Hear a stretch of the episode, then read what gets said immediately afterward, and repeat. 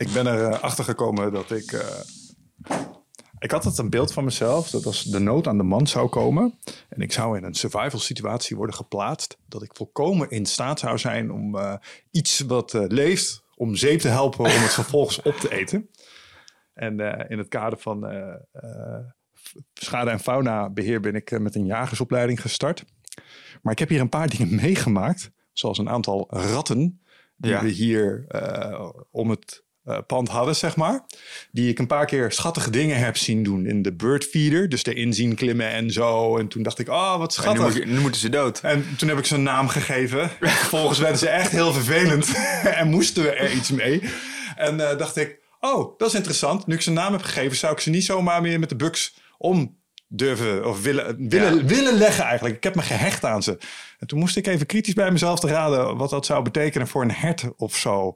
Of ik dat dan ook niet toch een beetje mee Ja, zou... sowieso de jacht. Dat is zo'n interessant onderwerp, toch? Vind ik qua... Je, je kunt niet zonder. Ik was een tijdje geleden was ik ook eh, op eh, gewoon een familieweekend eh, op de Veluwe. Toen was het plan om mee te gaan met een jager. Gewoon Hmm. eens een keer te zien hoe dat gaat. Het is natuurlijk ook gewoon wildbeheer en prima. Ja. Ik ben er niet tegen. Maar Nee. toen heb ik toch besloten, ik, ik heb er eigenlijk helemaal niet zoveel zin in. Hm. Het leek me confronterend en een beetje eng. En, Akelig. Ja. Ja. Maar goed, dat is ook, het is ook hoe de natuur natuurlijk is. Hè? Dus, ja. Ja, Enfin. want, want tegelijkertijd, we hebben hier dus ook allerlei schattige vogeltjes eh, om het huis. Maar ik heb ook wel eens een keer een uh, having zo dingen uit de lucht zien plukken. Zo, ja, zo is en toen dacht ik, ja, that- that's, that's the circle of life. Ja, dus dat is wel zo. Maar wij hebben wel meer een keuze of zo daarin. Ja, nee, dat, Toch? eh, ja, nee, dat, is, dat is zeker waar. Ehm, maar, een beetje rollende start. Maar voor de mensen die zich afvragen... hey, eh, waar ben ik naar aan het luisteren? Nou, welkom bij weer een nieuwe aflevering van Eindbazen. Laten we daar eens mee beginnen. Eh, en tegenover mij zit, mij- zit een wederkerende gast. Derde keer alweer. Derde keer. Ja. Wouter van Noord, tof dat je er bent. Ehm, laatste keer hebben wij een, een tof gesprek gevoerd over een hoopvolle toekomst. Eh ja, jij was, toen, treden. jij was toen klaar met de doom en gloom. En eh, Inderdaad. toen kwam ik wat eh, hoop en perspectief. eh, Inderdaad, want, want voor de mensen die het niet weten, Wouter is journalist bij het NRC, maar hij heeft ook een toffe podcast, Future Affairs, waarbij hij heel duidelijk over dat soort dingen nadenkt. Ja. Maar je hebt recentelijk, en daar wilde ik, daar wilde ik eigenlijk even beginnen, heb je ook een interessant ehm, experiment, nou, experiment, ik weet niet je hebt een interessante levenskeuze heb je gemaakt, ja, eh, door te zeggen, hey, weet je wat ik ga doen? Ik ga me gewoon even aan de red race onttrekken. Het is wel geshuffeld met jullie allemaal. Eh, ik, ga er, ik ga er een jaar op uit. ja, een half jaar is het uiteindelijk geworden. Ja, vertel eens, wat, Ja. eh, wat was het idee? We zijn op een sabbatical geweest. Eh, we hebben echt trosselos gedaan. Dus we hebben ons huis verkocht. Zijn, ik ben met onbetaald verlof gegaan. Mijn vriendin was klaar met haar baan. En besloot om daartussenin een langere pauze te laten vallen. Toen zijn we met een camper en onze twee kleine kindjes Europa ingetrokken. Dus we zijn eh, uiteindelijk bijna een half jaar in, wat zal het zijn, in de orde van tien verschillende landen geweest. Van Oost-Duitsland tot Tsjechië tot eh, Slovenië. Hele zomer in de Alpen gezeten. Om eh, inderdaad eventjes uit de red race te stappen. Om eh, eens goed na te denken over hoe ik mijn leven wil inrichten. Er zijn natuurlijk heel veel veranderingen gaande. Voor mij was COVID ook wel echt een soort aardbeving. Tegelijkertijd met wat persoonlijke overlijden van mijn moeder bijvoorbeeld. Ehm, waardoor er echt even wat dingen op losse schroeven stonden voor mij. En ik had grote behoefte om er even uit te stappen. En eh, nou ja, dat, dat brengt je toch inderdaad tot wel wat meer reflectie dan je in je dagelijkse werk kan hebben, denk ik. Ja, dat kan ik me voorstellen. Nou, allereerst hulde, want het is denk ik eh, heel, ook wel heel eng om te doen. Lijkt me een spannende stap ergens ook wel. Ja, ligt ook een beetje aan je bankrekening natuurlijk. Maar Nou, maar dat is wel een cruciaal ding. En dat, dat maakt het ook dat het voor sommige mensen een beetje kan klinken van ja, een beetje eh, eh, verwend of zo. En Decadent. eh, decadent. En ik realiseer me ook dat het een luxe is. We hadden Mhm. ook inderdaad een gelukje op de huizenmarkt. En we hadden allebei banen waarin het de mogelijkheid was om eventjes eruit te gaan. Overigens denk ik dat door allerlei ruime verlofregelingen veel meer mensen dit kunnen doen. Die bijvoorbeeld met jonge kindjes. Ja. Er zijn hele ruime eh, verlofregelingen ook voor onbetaald verlof in Nederland. Dus het voelde niet echt als een hele moedige stap of zo. Eh, maar het was gewoon een avontuur. En eh, we hadden allebei ook zin in zo'n avontuur. En eh, behoefte om die trossen los te doen. Voor mijn vriendin Mm. was het nog meer gewoon een avontuur met het gezin. En voor mij was het wel meer, ja, echt wel een beetje herijken. Beetje kijken, wat, wat, wat, wat wil ik nou eh, de komende eh, fase van mijn carrière. Ik geloof wel een beetje in fases van zeven jaar in een leven. Mm. Sabbat, sabbatical. Hè. Sabbat is het eh, Hebreeuwse woord voor stoppen. Is ook zeven. Ja, er zit, er, zit, interessant. er, zit, er zit iets van een zevenjaars ritme, denk ik, in heel veel natuurlijke cycli, in menselijke cycli. Dikke jaren, zeven magere jaren. Het komt heel veel voor in de Bijbel natuurlijk. Er langer over Ja, nadenkt. Ja, Ja. ja, zeven is een, heel, is een heel vaak terugkerend getal, ook in, in, nou ja, in, in, de- in de natuur. Dus ik dacht, waarom niet? Laten we het gewoon proberen en zien. eh, we, we hebben echt besloten om zonder plan te vertrekken, trossen los te doen, heen te waaien waar het weer mooi is, waar de natuur mooi is, waar de zon scheen. Mhm. En we hebben ook inderdaad, eh, nou ja, het was eh, vorige zomer die record warme zomer. Dat we in die Alpen moesten we wel blijven, omdat het gewoon om die Alpen heen 40 graden was en veel te heet. En het was prachtig, maar het was vlagen, bij Vlagen ook heel confronterend, vond ik, die Mhm. sabbatical. Eh, op twee onderwerpen eigenlijk het meest. Ehm, ik vond het best wel pittig om eh, zonder ventiel eh, de zorg te hebben voor kinderen. Mhm. Het gezinsleven bij Vlagen best wel nou ja, pittig was. Als je dat bedoel je zonder ventiel, zonder escape naar het werk bedoel je? zonder kinderopvang. Ah, ja, check. en, en, en zonder. eh, nou ja, ik heb wel heel erg leren waarderen wat ook de waarde is van ruimte voor jezelf en van werk. De zingevende aspecten van werk Mhm. daarin. Ehm, en ja, dat, dat lag ook wel echt wel. Dat lag wel een beetje in de lijn der verwachting. Maar eh, een ander confronterend ding tijdens die reis was ook wel de natuur. Mhm. Dat, eh, de Europese natuur is prachtig, maar zeker in die hete zomer, als je de hoeveelheid droge rivierbeddingen ziet waar we zijn geweest, eh, in die Alpen de recordsnelheid waarmee gletsjers aan het smelten zijn. Mhm. Eh, op een gegeven moment bij de Aletsch Gletsjer in Zwitserland, dat ik letterlijk met mijn zoontje van twee op mijn arm stond te kijken naar een gletsjer waarvan, ik eigenlijk, waarvan eigenlijk wel vaststaat dat hij over 30 jaar vrijwel is gesmolten. Dat betekent dus dat mijn zoontje, als hij daar met zijn kinderen staat, niet dezelfde gletsjer meer zal zien. Mhm. Dat is eh, jammer voor zijn vakantieervaring, maar vooral heel jammer voor alle ecosystemen en het hele watersysteem, wat voor een groot deel afhankelijk is van eh, die gletsjers natuurlijk. Mhm. We zijn twee keer eh, moesten we geëvacueerd vanwege een bosbrand. Dus het, het was een prachtige reis, maar ook op, op elementen echt wel confronterend in mezelf en de staat van de natuur. Dus dat heeft het me ook wel, denk ik, gebracht. Dat het me nog meer heeft doen inzien dat eh, een gezin hebben en jonge kinderen opvoeden echt tering hard werken is. En heel veel eh, toewijding en aandacht vergt. Ja. En dat het echt niet altijd makkelijk is. Eh, en dat die natuur, nou ja, de, de veranderingen gaan nu zo snel. eh, dat denk ik groot. we tasten denk ik een heel deel van de veerkracht aan van onze levende omgeving. Met de activiteiten die de mensheid ontplooit. Ehm, en daar bedoel ik helemaal niet een politiek standpunt mee in te nemen, maar gewoon dat vast te stellen. Kijk om je heen, kijk naar de staat van die natuur. Kijk naar die smeltende gletsjers, afnemende insectenpopulaties. eh, slechtere bodemkwaliteit. Mhm. En zonder gezonde levende omgeving eh, worden wij ook een heel stuk ongezonder. En vooral minder veerkrachtig ten opzichte van alle veranderingen die eraan zitten te Ja, komen. zeker. Volgens mij. Ja, ja. ja, dat begrijp ik. Nou ja, we hadden het er straks even over hier, eh, zeg maar, wat meer in het groen zitten. En dat je ook sommige dingen nu tegenkomt. Vooral droogte eh, en dat soort zaken raken ook hier in Nederland gewoon eh, hele grote stukken natuur. Ja. Hetzelfde geldt voor afnemende insectenpopulaties. eh. dus ehm, Ja, dat, dat tast een heel deel van het web wat ons onder ligt aan, heb ik de indruk. Hè? En de, dat is niet alleen maar mijn briljante inzicht, maar dat blijkt natuurlijk uit al die verschillende studies naar de staat van de natuur, biodiversiteit, klimaatverandering. Is dat we gewoon best wel tipping points in zicht krijgen van wanneer de veerkracht, de veranderkracht van de natuur gewoon het niet meer bij kan benen hoe snel de veranderingen gaan. En dat er dus soorten uitsterven, stukken Mhm. land ongezonder worden. En ja, dat is toch wel. eh, ja, daar hoef je niet links of rechts voor te zijn, maar dat is gewoon, denk ik, objectief waarneembaar dat dat een slecht idee is. ja. ehm, en dat onderschrijf ik volledig. En het is wat mij betreft ook eh, zorgwekkend. En eh, we liggen absoluut op een koers die voor nu al voor grote problemen gaat zorgen. Ik bedoel, daar moet, dat moeten we niet onder stoelen of banken steken. Nee. De gevolgen van wat we hebben ingezet zullen nog eh, misschien wel eeuwenlang naeilen. Ja. En, en dan krijgen we gezeik mee. En dat, Ja. dat is gezeik van afname van biodiversiteit. Dat is eh, plekken die onbewoonbaar zullen worden. Eh, dat is plekken die misschien minder goed bebouwd kunnen worden. Dus Ja, zullen, zullen alle- allemaal consequenties aan zitten. zeker. En ik ben niet van de doom en gloom, zoals wij ook in ons voorgesprek wel aanstipten.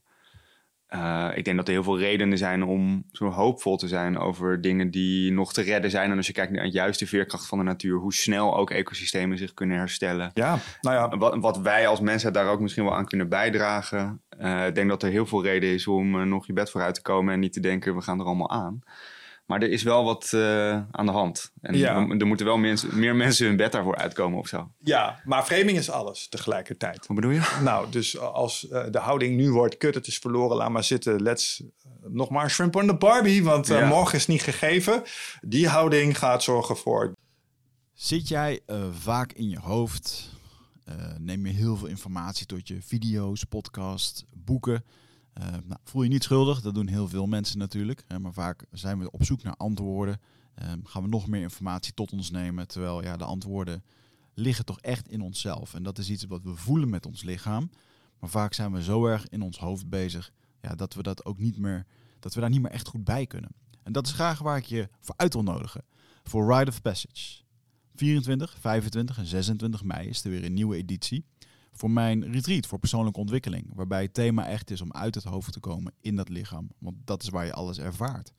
En ik wil dat je gewoon weer in contact komt met, met die, die intuïtie. Ehm, en dan gewoon een heel sterk eh, innerlijk kompas. Dat je gewoon weer weet waar je naartoe moet.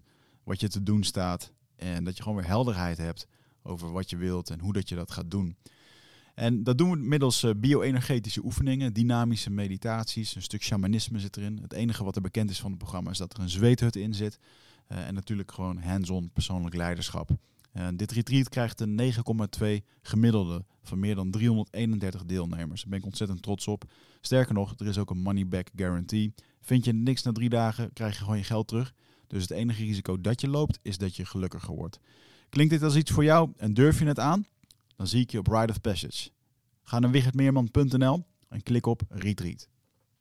doen. 100%. Ja. Ehm, alleen je kunt niet verwachten dat het merendeel van de populatie die switch maakt. Ik denk dat we op het punt zijn aangekomen dat overheden eh, gewoon zullen moeten gaan ingrijpen. Uh, en eh, dat, dat moet voortkomen uit een vraag vanuit burgers en vanuit het bedrijfsleven. Daar ontkom je niet aan. Maar Ja, ik vind dat wel, dat vind ik wel een enge gedachte, eerlijk gezegd. Dat, dat, ver, dat veronderstelt namelijk dat de overheden in staat zijn om precies de complexiteit in te schatten ja, van het probleem dat voor ligt.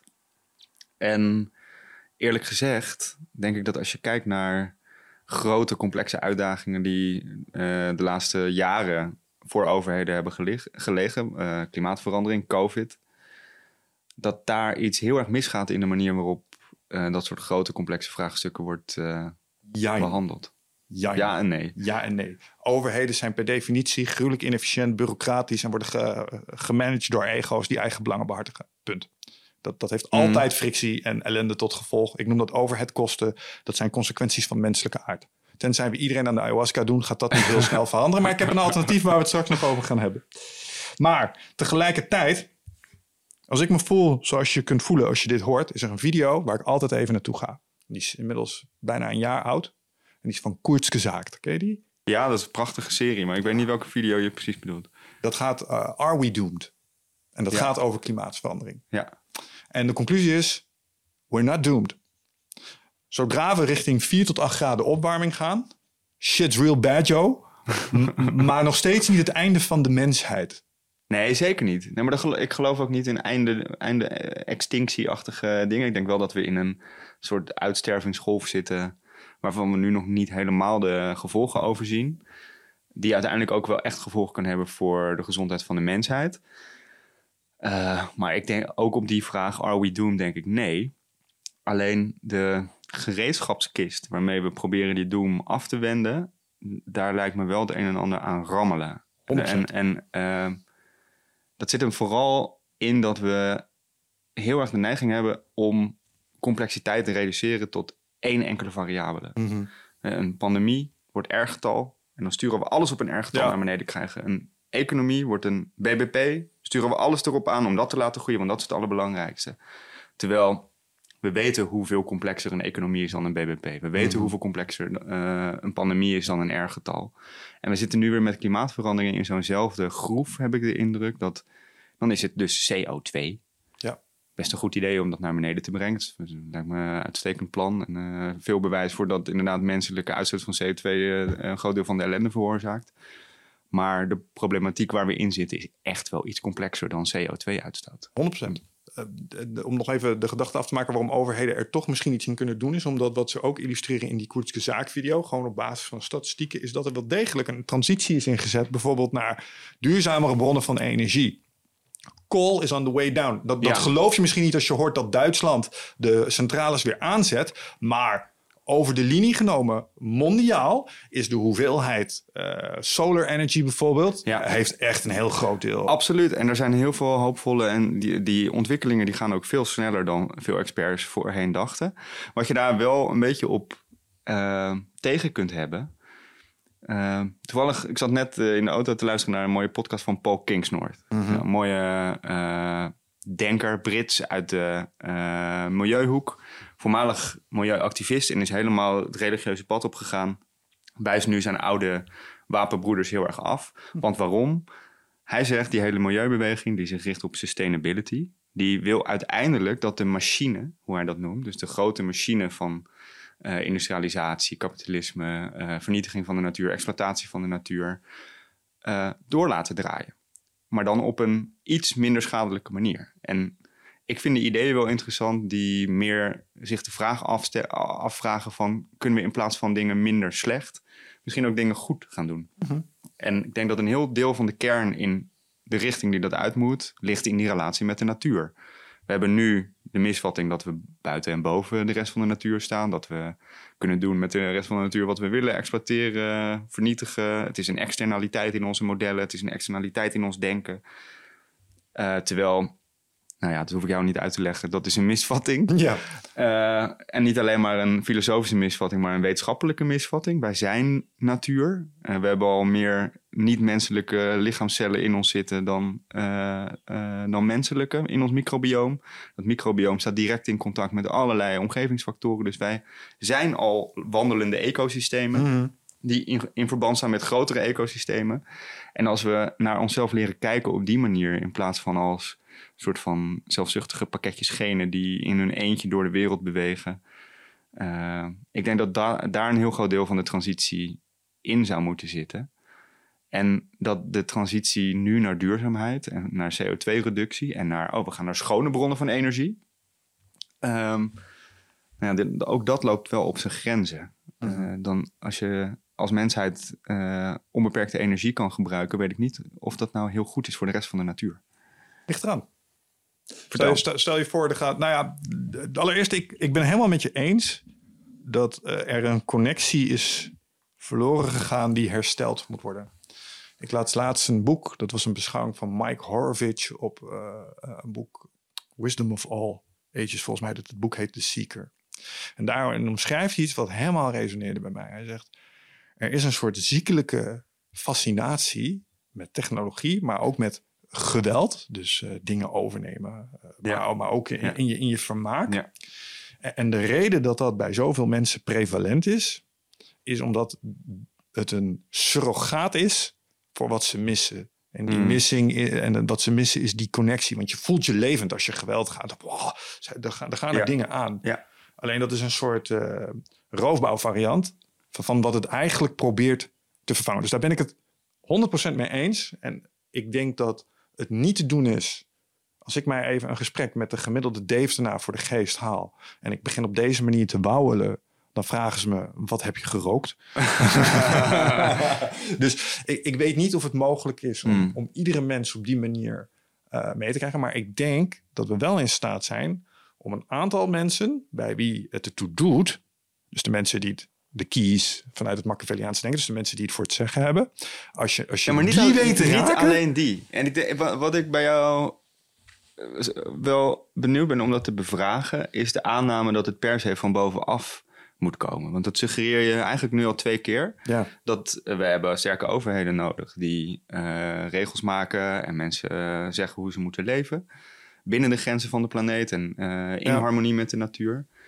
En uh, om die verandering teweeg te brengen, moeten we ons vooral richten op die keys, op de mensen die nu op de sleutelpositie zitten, de leiders, de mensen die de grootste wavemakers zijn, de grootste rimpel-effecten hebben. Ja. Terwijl als je nadenkt over hoe ecosystemen functioneren, jij zit er nu ook midden in één hier, in het prachtige gebied. Functioneren die heel erg top-down? Of Nee, eh, maar juist dat, dit is waar die zit. Ik heb nog de naïeve veronderstelling dat democratieën de macht bij het volk ligt. Ja, En zo zou moeten zijn. Ja. We the people. ja, Ehm, en, en je zag het een beetje bij BBB. Alleen eh, dan, dan zie je ook meteen weer het belang van framing en populisme. En eh, de complexiteit van de maatschappij op de juiste manier Ja. informeren. ja. Maar ik geloof oprecht, ook door. Maar misschien zit er een bias in omdat ik er veel gesprekken over kan voeren. Maar ik heb wel het gevoel dat bij de gemiddelde Nederlander, hoewel ze niet allemaal mee zullen gaan. Dat ze het steeds belangrijker gaan vinden, omdat ze ook toch wel het gevoel hebben dat die gletsjer van 30 jaar, dat besef, begint bij steeds meer mensen nu binnen de, de, de zone of involvement te komen. Oh, wacht Ja. even, dit komt wel heel dichtbij nu Ja. ineens. En, Nou ja, deze droge zomers, eh temperatuursveranderingen, inderdaad vakantiegebieden waar we vroeger gewoon in de zomer naartoe konden, die nu onleefbaar zijn. Eh, ja, het komt ook dichtbij. En ehm, ik ben daarom dus ook best wel hoopvol, omdat ik denk dat heel veel mensen de urgentie zien, voelen. Nog heel veel mensen, ook ikzelf, weten eigenlijk niet helemaal goed hoe eh, ze zichzelf daartoe moeten verhouden, wat ze er aan kunnen doen, wat, wat, wat binnen hun eigen handelingsperspectief Ja. zit. Maar dat er iets wiebelt in de manier waarop we leven, dat we, als we in de woorden van Paul Kingsnorth die machine gewoon draaiende houden, dat we dan echt richting de afgrond gaan. Ik denk dat dat gevoel wel breed doordringt. En dat, dat de reactie van heel veel mensen nog heel wisselend is. Dat sommige mensen schieten in de angst, in het verdriet, in het afweer, in de ontkenning. Je kan al die ja, eh, psychologiserende verhalen daarop loslaten. Maar uiteindelijk, wat is de sterkste reactie hierop? Is toch vanaf onderaf mensen zelf die overtuigd zijn van de noodzaak tot gedragsverandering, die samen proberen experimenterend anders te leven. Ja, en zoals ik al zei, ehm, ik geloof dat een overheid, en ik weet dat dat op dit moment niet het geval is, maar een weerspiegeling zou moeten zijn van wat een bevolking wil.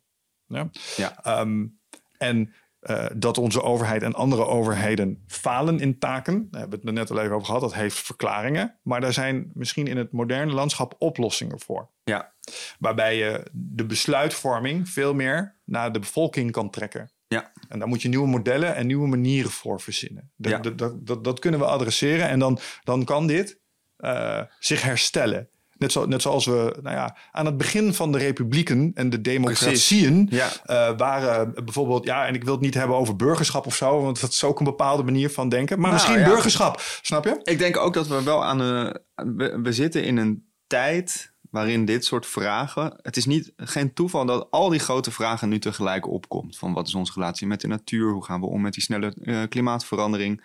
Hoe eh, eh, geven we onze democratie een update? Hoe verhouden we ons tot China, een land dat heel anders Mm. is ingericht dan wij zelf? Ehm, we zitten in een eh, tijdperk van verandering. Of een verandering van tijdperk, zou Jan Rotman zelf zeggen. En ik denk dat dat echt zo is. Dat we dus echt fundamenteel moeten nadenken over hoe geven we ons leven opnieuw vorm. Omdat de manier waarop we nu leven ehm, echt die afgrond ingaat. En, en ik geloof dat eh, de mensheid het in zich heeft om zo. Kijk, een negatief voorbeeld van het aanpassingsvermogen van de mens was het begin van de pandemie. We moesten ineens social distancen. En toen keek ik naar oude films. En toen vond ik het eens heel raar dat mensen zo dicht bij elkaar stonden. Toen dacht ik, Ja, wauw, ja, ja. ik kan echt snel veranderen als het moet, man. Ja. Dat, dat zit er gewoon in. Dat kan ik.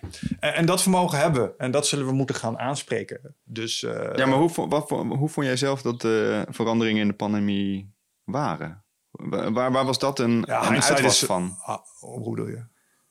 Was dat een, eh, was dat een hele organische, natuurlijke manier van omgaan met eh, een dreiging van een virus? Of was het een hele het controlerende top-down? Eh, Ja, het- maar het is wel precies zoals ik het gedaan zou hebben. Ja. In die zin. Ja. Zo van onbekende factor. Kijk, hindsight is 2020. Dus kan ik achteraf iets zeggen over... vond ik maatregelen overdreven zwaar ten opzichte van de eigenlijke dreiging? Hmm, moeilijk. Ik weet wel dat, eh, dat er niet 100% sluitend bewijs dat lockdowns het hebben gedaan. Maar als, Nee, als je... ik ben, ik, ik, zeg- dat, dat wil ik wel, dat is wel belangrijk om. Ik, eh, ik denk dat voor een deel eh, die maatregelen onontkoombaar waren. En dat dan gewoon in, een- in een eh, ziekte met heel veel onzekerheden en ook met reële slachtoffers, dat er, dat er iets heel groots voorlag bij regeringen die gewoon ook reële dingen hebben gedaan om dat te voorkomen. Ik ben niet in de hoek van de ontkenners dat er een probleem was met het virus.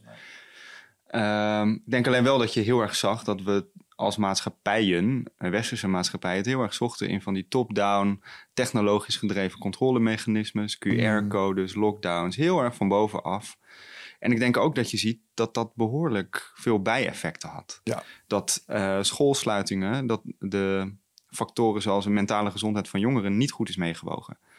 Dat heel veel jonge mensen hebben daar nog steeds heel veel last van en zijn in een hele kwetsbare, vormende fase van hun leven uh, alleen thuis gezet. Ja. Uh, dat komt omdat we dat probleem van een pandemie, iets heel complex, hebben gereduceerd tot het verspreidingsgetal van een virus. Uh, en met technologische maatregelen hebben we geprobeerd die dat R-getal uh, zo laag mogelijk te krijgen.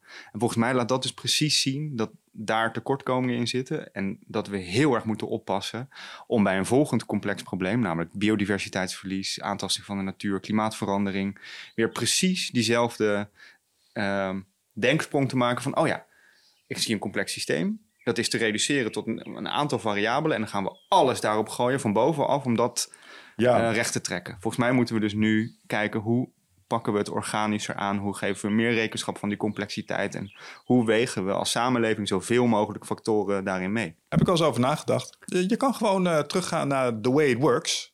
Dus niet proberen de way of things te manipuleren. Want dat is wat wij mensen doen. Hè? Wij, wij zien een rivier lopen, we denken dat is niet handig. Dan gaan we een dam verbouwen, dan kunnen we de stroom uithalen Ja. hebben. Dat is perfect. Ja. Maar dat, dat, dat stelt ons in staat om allerlei dingen zeg maar, vrij te spelen die we anders niet hadden. Zoals koelkasten. Super tof. Ehm, Ja, eh, en het, het ding is, Maar- je, je kan het natuurlijke proces een ding laten doen. Zoals in bijvoorbeeld een pandemie. nee, dat. Ik, Snap je? dat Laat het maar het zijn ding maar doen. Eens. Eh, eh, eh, het is een dilemma. Laten we dat voorop stellen. hè. Ik zeg niet, laat me uitrazen dat virus en fuck de kwetsbare oude mensen. Het is echt een heel moeilijk probleem.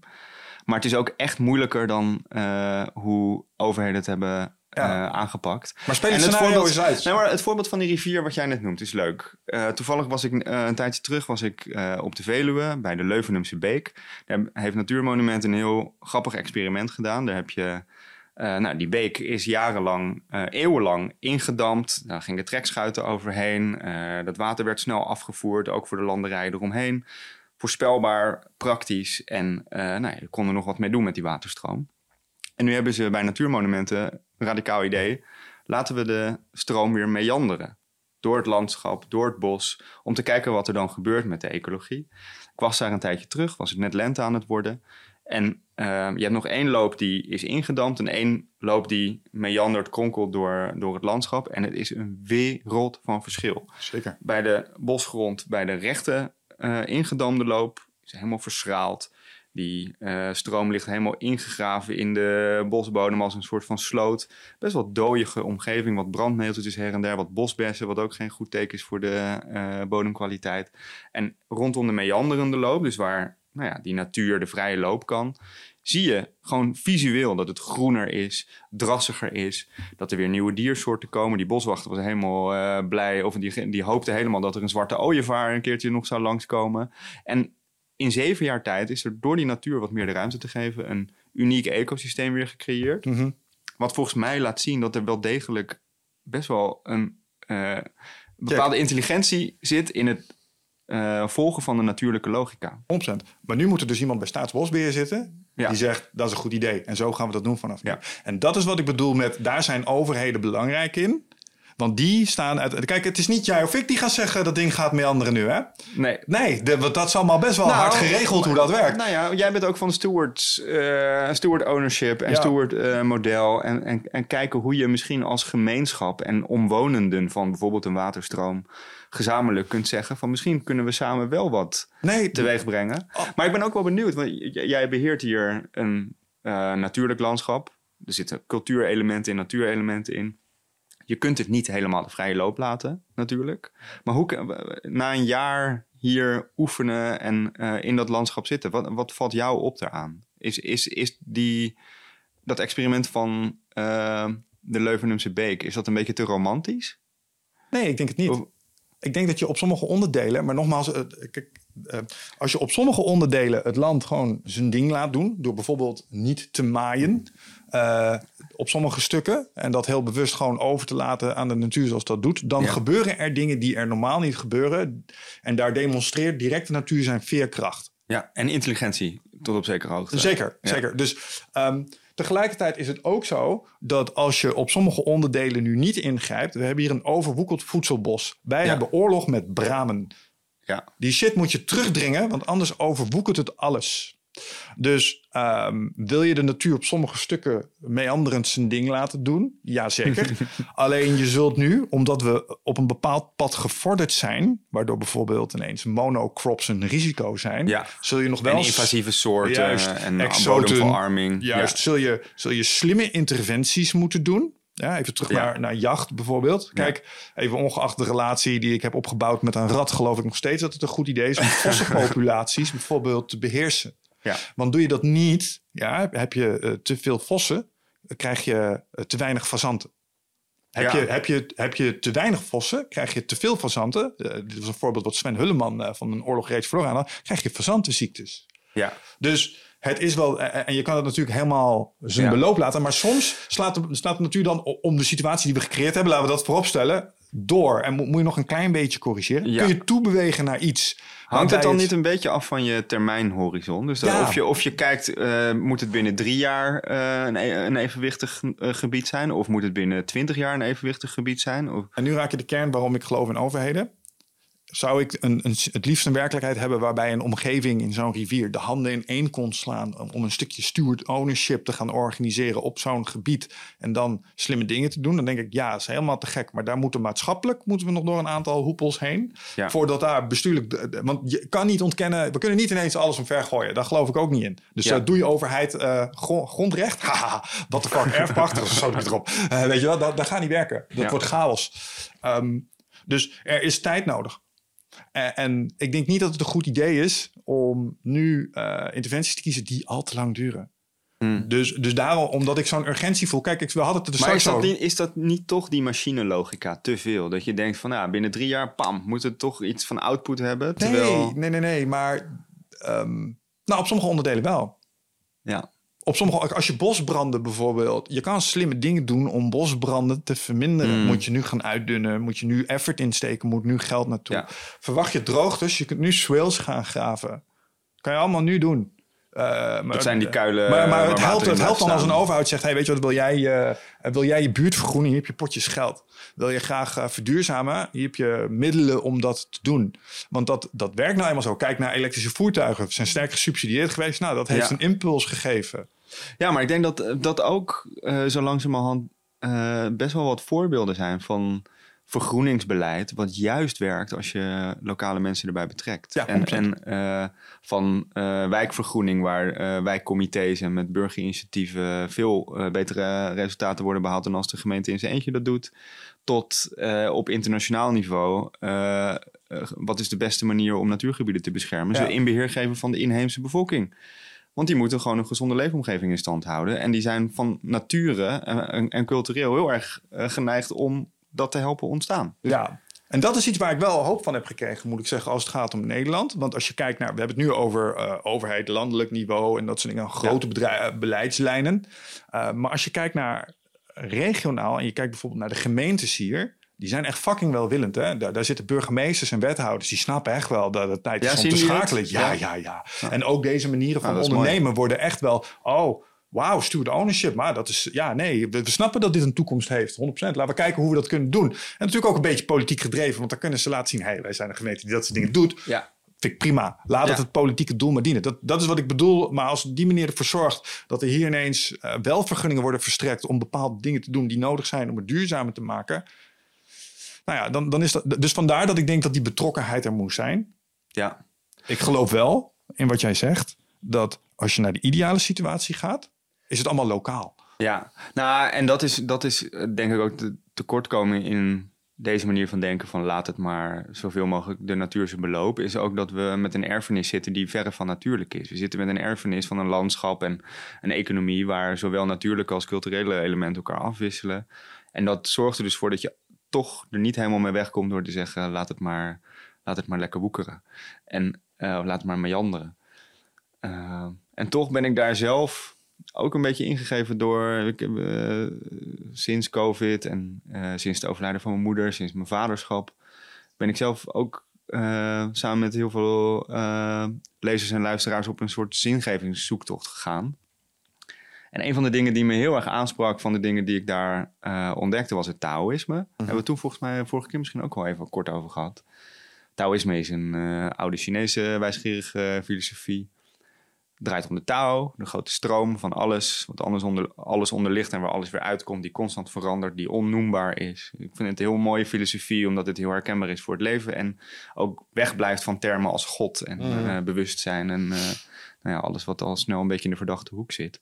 Maar een kernbegrip in het Taoïsme is wu wij. Niet doen, niet handelen. Mm. Dingen met de stroom mee laten bewegen, laten meanderen, om het maar eventjes zo te zeggen. En ik denk dat daarin heel veel dingen in het leven heel veel wijsheid in zit. Door je niet te verzetten tegen die stroom die de hele tijd verandert, maar erin mee te bewegen, te kijken hoe je daar in, in die flow van die veranderende stroom kan komen. Iedere server weet dat dat de manier is om Hey, uit een moeilijke stroming te komen. Exact. Nou ja, heel veel mensen die veel in de natuur zijn en veel met de natuur doen, zoals surfers bijvoorbeeld, die weten, ja, dit is inderdaad de manier waarop je zelf de beste Ja, omgang hebt met ja. gevaarlijke veranderende natuuromstandigheden. En tegenover wie wij staat ju wij. En dat is wel ingrijpen, is beheersen, is reduceren tot iets kleins en dat proberen te beheersen. En ehm, nou ja, dat raakt dus volgens mij aan die machine die Paul Kingsnorth wel beschrijft, is dat die machine heel erg draait op UI, op beheersen, op controleren, op reduceren tot makkelijke variabelen, daar alles op managen, top-down eh, dingen onder controle krijgen. En dat dat vaak eigenlijk veel meer problemen veroorzaakt dan oplost. Terwijl het niet doen, eh, gek genoeg, vaak veel moeilijker is om te bedenken dat dat een oplossing is. Ja, unintended side consequences is altijd een probleem. Ja. Je doet iets en dat heeft neveneffecten. Ja, Nee, ik vind, het, ik, vind het een mooie, ik vind het een hele mooie filosofie. En ik kan me voorstellen dat als je hem 100% weet te omarmen, eh, dat dat veel, veel rust met zich meebrengt. Het dilemma wat het bij me oproept is, maar dat kan een, een bias zijn vanuit het UI-denken, is dat als je doel is om de mensheid, een beschaving, jouw kinderen een stabiele toekomst te bieden met, zonder Ja. hongerangst, eh, met het gezondheidsstelsel zoals het is, ja. dan denk ik dat hoe wij, dat, dat, dat, dat we dat punt op dit moment voorbij zijn. Maar, maar dat wil niet zeggen dat we niet naar een punt toe kunnen werken waarbij het weer mogelijk is. Ja, nou ja, het is, het is wat, wat ik interessant aan dat Taoïsme vind, is dat het heel erg één kant van ons wezen, ons zijn vertegenwoordigt. En Hmm. dat in de, in de oude Chinese filosofie zit dat wat meer eh, verweven, dat dat ook eh, gecombineerd wordt met een andere kant. In, in, in de Chinese traditie heb je ook Confucianisme, wat juist een heel ordelijke Ja, eh, traditie is. Die gaat om eh, harmonie en je goed gedragen. En eh, er is een heel mooi boek daarover, De Deugd en de Weg. Dat, die twee keuzes heb je eigenlijk. De, de weg is, het, is, is Tao en dus het meebewegen met die stroom. En de deugd is eh, gedraag je een beetje discipline en eh eh, beheerst die boel een beetje. exact is wat ik zou willen dat mijn bevolking zou denken als ik een oppressief regime was. Even tussen twee haakjes. Maar Ja, nou, je ziet ook, ja goed, dat is natuurlijk met al die filosofieën dat ze ook worden misbruikt. En, 100%. eh, ja, deze, deze zou zeggen voorlenen misschien. lijkt me wel, ja. ja. Maar ik, ik hoor wat je zegt. En ik, en, en ik denk dat daar ook een, een wijsheid in zit. Maar aan de andere kant, als je niet zou ingrijpen, zou dat misschien iets heel anders betekenen als jij denkt. Want als je kijkt naar menselijke aard, menselijk gedrag, laten we gaan naar het moment waarop eh, beschaving aanging. Vonk, Ja. nederzettingen, toen begon het zwelletje. Toen, Ja. toen ontstond er iets wat er eerder nog niet was. En eh, als we dat, dat proces hebben we zijn beloop gelaten. En dat, dat is gaan vermenigvuldigen. Dat is complexer geworden en eh, Ja. het heeft snelheid verworven. En nu hebben we momentum en nu koersen we op iets af waar ik zo heel veel vragen over heb. En ik denk namelijk dat als we hoe wij zouden toepassen, dan doen we dit. Als het gaat om de machine die zijn ding gaat doen. Mm. En dan komt er binnenkort iets in het leven. En dat heet dan de AI. En dat is misschien wel, als je Joe Rogan zou geloven. Mensen zijn de eh, sex organs of the machine world. We hebben mensen nodig om een AI te krijgen. En zodra die er is, dan kan dit stoppen. En dan is het Ja. weer zoals het is. Ehm, maar dat is, dat is wat er zou gebeuren in mijn filosofie als je wij zou toepassen. Maar waar zijn, waar zijn machines goed in? Zijn die goed in Wuwei of zijn die goed in Juwei? Wij. Ik zou precies dat zeggen. Die zijn heel goed in eh, complexiteit vatten, in variabelen, in algoritmes maken. nee. If this, then, then, eh, machinaal. Duidelijk, duidelijk. Het En, wat en blijft is- er dan over? Dat maakt deze tijd interessant. En het wordt een beetje stoner talk, inderdaad een beetje Joe Rogan-achtige vergezichten over Weet je bij welke maar- podcast je zit? eh? kom, kom maar met die truffels dan.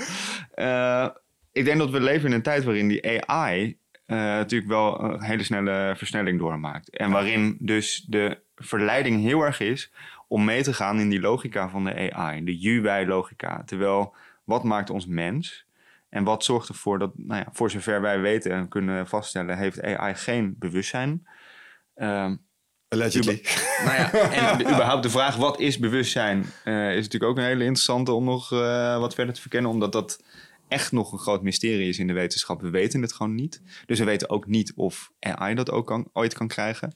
Maar ik ben toch wel meer gecharmeerd van de mensen die denken dat mensen en eh, organismen nog wel iets extra's hebben ten opzichte van machines. Ja, zou ik ook willen denken als ik Ja. mens was. En eh, ja, dan blijft er naast dat UI dat die AI al de hele tijd gaat doen, toch misschien wel meer ruimte over voor wat meer dat menselijke, bezielde, meegaan met de stroom en niet handelen. Er zijn twee opties.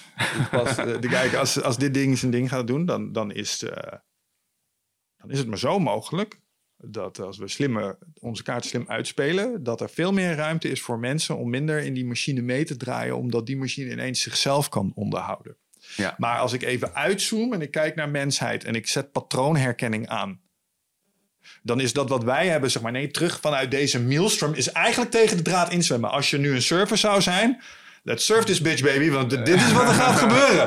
There ain't no stopping it. Die geest is Nou, uit de fles. Nee, dat denk ik het- ik Ja, er gaan, er gaan grote veranderingen komen. En het wordt inderdaad die maalstroom en de grote golf, die, die komt o- op, over ons heen. Maar wat doet dat? Volgens mij roept het dus juist, en dat maakt deze tijd ook zo boeiend. Het roept juist die diepe vragen op van wat maakt ons dan mens? Ja. En wat onderscheidt ons van de machine en de algoritmes? En eh, zeg maar, die machinelogica, waar we het al eigenlijk de hele tijd als rode draad nu een beetje over hebben. Ja, die wordt nu, daar wordt nu een turbo op gezet, waardoor we nog nadrukkelijker die vraag voor krijgen van hoezo zijn, gaan we mee in, in dat machinale denken of gaan we daar iets tegenover stellen wat anders is? Misschien kunnen we iets anders tegenoverstellen als we dat ding zijn ding laten doen.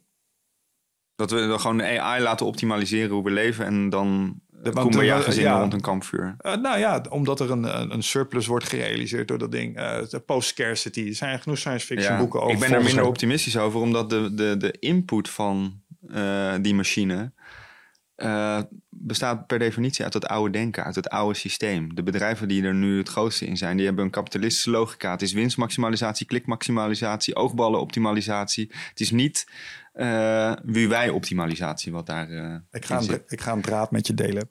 die ik heb gemaakt in ChatGPT. Omdat ik denk dat. we- Weet je, ik heb het hier met Paul Smit ook over gehad. Ehm, het grote voordeel van een. eh, Sowieso denk ik dat AI iets heeft gedaan. wat eigenlijk, als we wat langer hadden gehad. misschien iets als buitenaardse wezens wel hadden gedaan. Namelijk ons laten zien dat dat kunstje wat mensen kunnen. niet exclusief voor mensen is. En dat is een reality check. Mm, Mensen zijn heuristische patronen en algoritmes met een doel. Overleven, voortplanting van de soort. En alles daaromheen kleed je daarop in. Nee, maar ik ben het hier echt wel. Ik denk dat dit heel vergaande uitspraken zijn waar de jury echt nog oud over is. not so sure. Nou de- dat eh, er inderdaad iets in zit in de gedachte dat mensen informatiepatronen zijn. Eh, en dat ChatGPT fantastische eh, antwoorden geeft. Ik heb toevallig gisteren ook nog een beetje zitten klooien met het programma en vragen gesteld van hoe word ik een betere vader. Dan komt er een lijstje met zeven punten uit. Nou, dat is echt indrukwekkend hoor. Dat. Ja, ja, dus daar, daar- en dat is heel slim. Maar dat zijn patronen uit het verleden. Dat zijn gemiddelde. Zeker. Om het even te hebben met, over eh, AI. Zijn er hele interessante eh, wetenschappers die het een, een stochastische papegaai noemen. Dus een, een, een, een, een statistiek papegaai. Gewoon een machine die gemiddeldes berekent en dat papegaait. En daar zijn we allemaal verschrikkelijk van onder indruk. Net zoals we soms zijn van echte papegaaien. Maar die stochastische papegaai die gaat nooit, in ieder geval in de huidige iteratie, bewustzijn, vrije wil, eh, snappen wat het is om mens te zijn. Ik geloof dat is- maar dat is- gewoon geen, geen reet van. Dat is het grote voordeel van dat ding. Oké, even eh, gaat AI met nog wat meer compute en eh, GPT eh, 25 in tegenstelling tot GPT 4 iets kunnen benaderen wat de complexiteit van menselijke. Daar, daar zijn een Ja. aantal hele slimme mensen zich Kijk, eh, wat- wat- zeer zorgelijk over aan het maken. Zeker. En wat heel vet en ook zorgwekkend is aan eh, ook wat er nu al gebeurt met die large language models, is dat er iets optreedt wat emergentie heet. Dus iets wat groter is dan de som der delen. Iets wat spontaan ontstaat uit de, uit de connecties en eh, eh, verbindingen die er worden gelegd in dat, in dat model. De, de- het bekendste voorbeeld van emergentie is een duin dat ontstaat, dat is eh, evident, er liggen duinen. Maar hoe dat precies gaat, dat is veel te ingewikkeld om voor welk rekenmodel ook te berekenen. Een ander voorbeeld van emergentie zijn spreeuwenzwermen. Eh, daar ontstaan prachtige patronen. Er is geen enkele vogel die dat zelf heeft bedacht. Ja. En dat ontstaat nu ook in AI. En dat is fa- fascinerend. Dat, ge- dat geeft de indruk, hey, het doet dingen die Maar- misschien een beetje organisch zijn of zo. Ja, en, en eh, het, het kan ineens nieuwe vaardigheden ontwikkelen die het eerder niet had. Zoals bijvoorbeeld, Ja. ja. recentelijk kwamen ze altijd, hij heeft theory of mind. Hij kan denken wat jij denkt. Hij kan Ja, voorspellen wat jij dat is denkt. één onder, dat, eh, die, dat is Michal Kosinski, een hele gave onderzoeker aan Stanford, die een paper heeft geschreven hierover. Krijgt vervolgens ook heel veel kritiek. En waar, kijk, dat, misschien is dit wel het beste voorbeeld. Eh, we weten niet wat bewustzijn is. We weten niet wat theory of mind precies is. En, hoe, en zeker niet hoe dat wordt ervaren door een Mm. computer.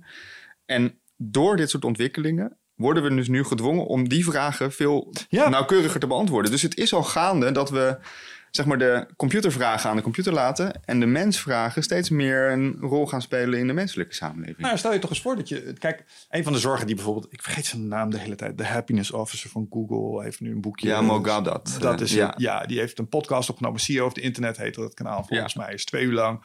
AI Doom.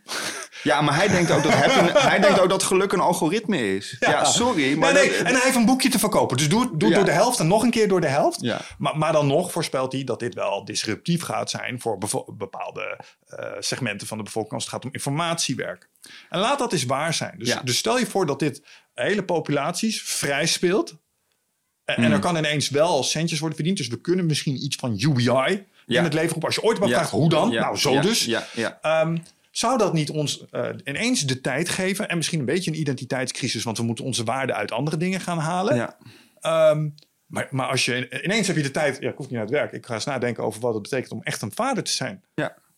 En, en dan kunnen we weer terug naar dat, naar dat woe stukje. Ja. Nou, eh, Dat is een beetje ik wat denk ik- dat wat- dat- wat zou de- kunnen. Die potentie zit er zeker in. Maar dat is niet de kant die het nu uitbeweegt. De kant die AI en überhaupt die, de digitale wereld uitbeweegt... is heel erg ingegeven door die oude logica van de machine. En die machine optimaliseren. En Ja, winst zeker. maximaliseren. En ehm, om soort van dat visioen van AI werkelijkheid te laten worden, moeten wel wat grondaannames anders worden over hoe we, dat, over hoe we die technologie gaan gebruiken. En welke bedrijven we daar aan de knoppen laten zitten. Ik, ik snap wat je zegt, maar ik wil even terug naar dat, dat experimentje wat ik ermee heb gerund. Dit was met eh, GPT-4. En die heb ik simpelweg de vraag gesteld: Hey man, wetend wat je allemaal weet over ons. Jij je gaat nu doen alsof je een benign AI, AGI bent. Dus een, een, een goed uitgelijnde Artificial General Intelligence. En we hebben hierbij de sleutels van de wereld gegeven. Bon chance, wat ga je doen? Zoveel mogelijk paperclips maken. Ja, nee, dus het wordt geen... Ja, ik dit voorbeeld gebruik ik ook wel. Ik vind toch dat jij er nou een keer mee komt, ik moet het altijd uitleggen. Maar nee, nee, nee, niet zoveel mogelijk paperclips maken.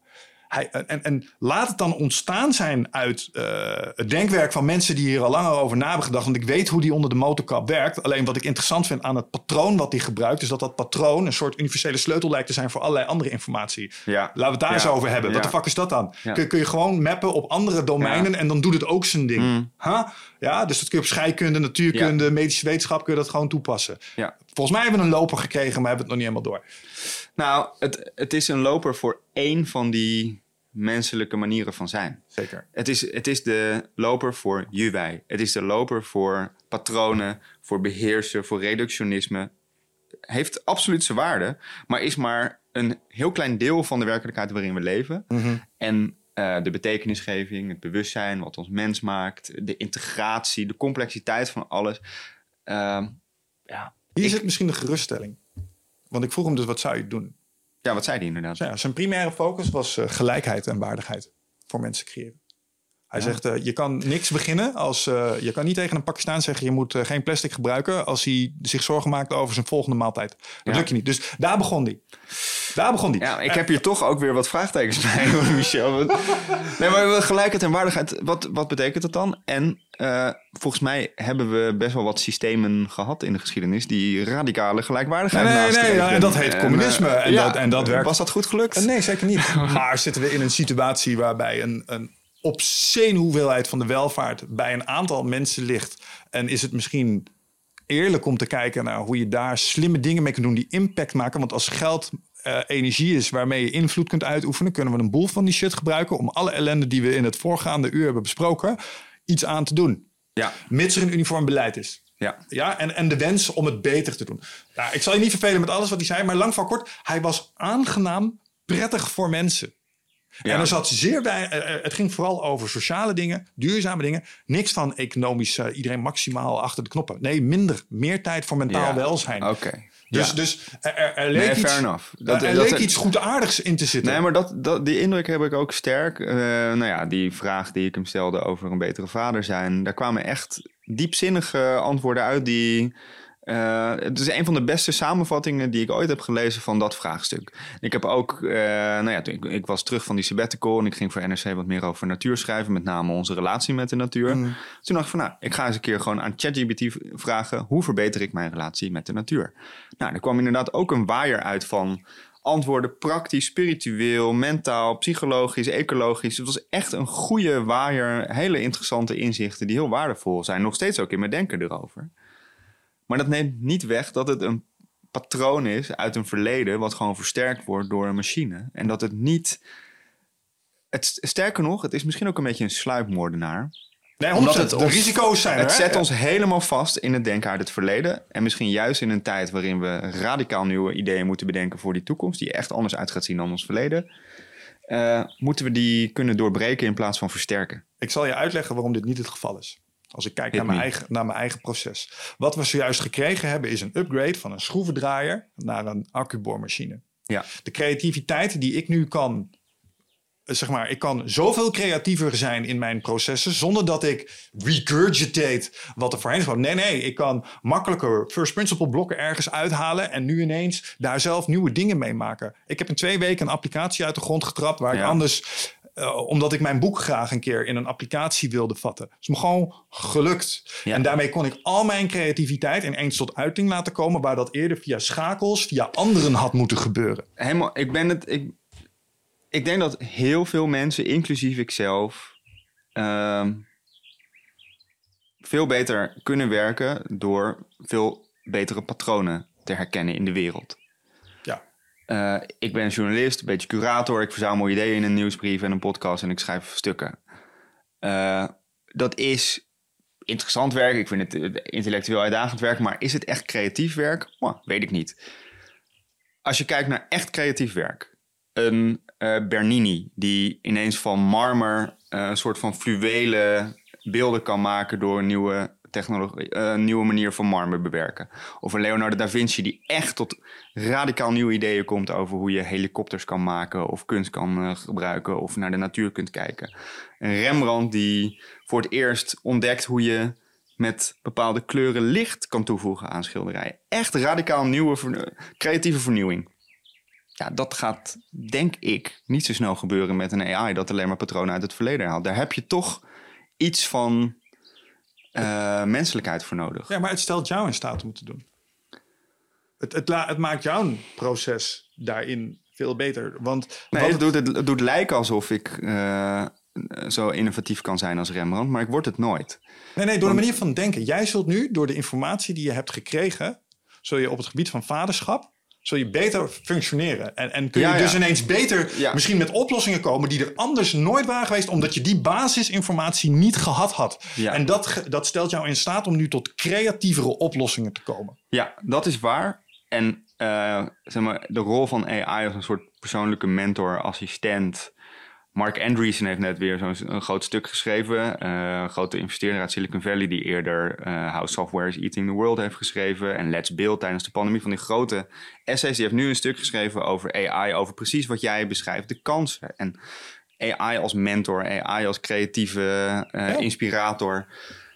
Ik ben daar gevoelig voor, voor, voor die manier van redeneren. Maar volgens mij moeten we ons echt bewust zijn dat het maar één kant mentort. En niet de Wuwijk-kant, niet de menskant, niet de bewustzijnskant. Dat eh, als we ons helemaal overgeven aan AI, omdat het zo prachtig is, omdat het zulke goede adviezen geeft. Wat ik overigens niet, Dan zo, niet voorsta, hè? dat is niet wat maar ik dan wil. raakt er echt iets wezenlijks verloren. En dan vergeten we ook dat er wel degelijk economische belangen, eh, politieke belangen achter die machines zitten, die we niet allemaal kunnen doorzien. Sterker nog, waar heel veel belang bij zit om die zo eh, onduidelijk mogelijk voor ons te De houden. ergste zorg is dat die straks een eigen belang krijgen wat wij niet hebben voorspeld. Dat, De paperclipmachine. Weet je wat deze wereld nodig heeft? Paperclips. En echt een shitload aan paperclips. Zeker nog, we gaan alles in een paperclip er zijn dus mensen, ik, ik, vind dat echt verschrikkelijk, die deze opdrachten aan ChatGPT of AutoGPT Chaos geven. GPT. Veroorzaakt maximaal chaos. ja. Dat is letterlijk, ik heb het filmpje gezien. Zo, wat de fuck ben je aan het doen, Ja, wat doe je inderdaad? Weet je wat hij gedaan heeft trouwens? Twitter-account geopend. een paar dreigende tweets uitgebracht. Ja, dan eh, hoeven we ons nog niet zo heel veel zorgen te maken. nou, misschien heeft hij het juist wel in de gaten. Social media is de kanker van alles. Nou ja, ja het is. eh, Maar kijk, ik, ehm, nee, maar ik, ik, ik hink ook op twee gedachten. Ik vind het ook een prachtige tool. En eh, het is echt. Het, it blows my mind. En het verrast me. Net zoals. Het verrast me vooral hoe verrast de experts zijn over hoe snel het nu gaat. Dat we nu bijna elke dag weer een nieuwe AI-toepassing hebben die andere dingen doet dan mensen hadden verwacht, is echt wel. We leven echt in een unieke tijd wat dat betreft. eh, ik, ik weet niet, ken je Siri Berends?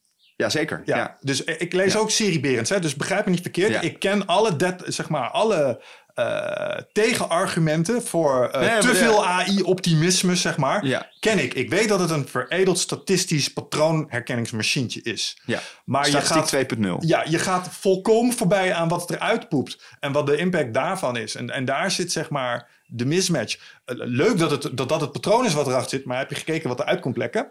Ja. En, en wat je daarmee kunt doen? Nou, maar het, het, het, het zorgt er in ieder geval voor dat wij het ook hier weer hebben over dit soort vragen. Dat, het het is wat dat betreft een hele interessante technologie, omdat het ons echt dwingt om na te denken over wat is creativiteit? Ja. Wat is originaliteit? Wat is mens zijn? Hoe eh, moeten we ons eigenlijk eh, verhouden tot die technologie? Wat is eigenlijk technologie? Wat is het verschil tussen natuur en technologie? Als wij natuur zijn en ecosystemen en wij maken technologie, is die technologie onderdeel van het ecosysteem, toch? Ja, Dus- en, en dat is. Dat is dus, het hangt er dus vanaf wat Ja. je wil. Dus als jij zegt, nou ja, we kijken even naar mensen over de loop der tijd en hun relatie met technologie. Super duidelijk, die dingen gaan hand in hand. Het is bijna hetzelfde als een hond hebben. De, de, die, die, die evolutie die gaat gepaard met elkaar. En ehm, daarop inbreken is eigenlijk heel onnatuurlijk. ja. Kijken waar je uitkomt. Ik Dat is, ben, nu hoe- een dat is hoe wij... ik, ben, ik ben nu een schitterend boek aan het lezen van eh, Megan O'Giblin. eh, God, Human, Animal, Machine. Echt een aanrader. Gaat ze precies over dit soort vragen. eh, nou, de titel zegt het al. God, mens, eh, dier, machine. Al die elementen komen in deze tijd samen. Onder invloed van de snelle opkomst van AI. Onder invloed van onze, in, in, de relatie met de natuur die onze, in onze gezicht eh, aan het ontploffen is. En gelukkig kunnen we het weer hebben over die diepere vragen. Maar dat moeten we dan wel gaan doen. En we moeten ons niet laten afleiden door al die nieuwe speeltjes en glimmende dingen die uit AI komen. We moeten het dan wel over die wezenlijke vragen hebben. Ja, maar hier is het probleem. We hebben nog maar een beperkte tijd om het over die wezenlijke vraag te hebben als we niet iets radicaals doen. Weet je, als we recht richting 4 tot 8 graden gaan, hebben een probleem. Hè? Dus Ja, dan is maar het, dat, dat zijn wel extreme modellen. En daar ben ik ook wel een beetje... eh, Ja, dat dachten we ook over anderhalve graden. Maar die hete zomers die zijn Fair 30 jaar eerder gearriveerd dan we hadden gedacht. Fair enough. Dus ik denk altijd, ja, we kunnen wel over bakkeleien of deze brandslang moeten gaan gebruiken. Maar ik zeg dat we het gewoon moeten gaan doen. Ja. Want de shit on fire, nogmaals. Maar wat de, de vraag die ik dan echt zou stellen is... wat zijn de neveneffecten van die brandslang? Ja. Laten we het daar het eens een keertje goed over hebben. In plaats van ons blind te sla- staren op... oh ja, er is daar een brandje en ik heb zo'n dikke brandslang... ik ga er nu op spuiten. Want dat hebben we gedaan met de pandemie. En vinden we, nou ja, ik denk dat dat echt nog een open vraag is of we vinden als maatschappij of dat goed is gegaan. Ik denk dat er heel veel nevenschade was. En dat in ieder geval het de moeite waard is om Nou. de vraag te stellen: wat is de nevenschade als je dat doet? Maar daar zit dan misschien het hoopvolle. Eh, namelijk als we nadenken over de neveneffecten van de brandslang. Wat ik positief vind, maar daar kun je heel cynisch naar kijken als je na gaat denken over marktbescherming en dat soort dingen. Kijk, als ik Sam eh, van OpenAI Ja. naar congressie ga zeggen: Oké, wij hebben hier iets, dit is een brandslang. En als we hem aanzetten, dan trekken we binnen no time dat hele le- dat meer leeg. Maar we kunnen het brandje wel blussen. Ja. Dus ze geven duidelijk wat zij verwachten, wat de consequenties zijn van het inzetten van dit instrument, geven ze aan. Reguleer ons, Ja. vragen zij. Ja. En, en, de, en de, de monopolisten, eh, ze denken, ja, zou ik ook doen. Hè? We, we Microsoft, eh, die zit erachter en die zijn nogal van eh, hun markt verdedigen. Dit is wel een geniale set om mensen uit je, uit je space te houden, is dan het tegenargument. Ja. En, Ja. en de hele discussie over existentiële dreigingen in plaats van over databezit en dataveiligheid. En eh, Ja, Het, ik bedoel, ik weet ook. Ik lees al die geluiden ook. Ik weet ook niet altijd precies wat ik ervan moet maken. Wat alleen. luister je Lex, Lex Fridman. Ja, fantastisch. Mijn Hij had er drie op rij. Ja. Hij had, eh, eerst had hij eh, Sam Altman.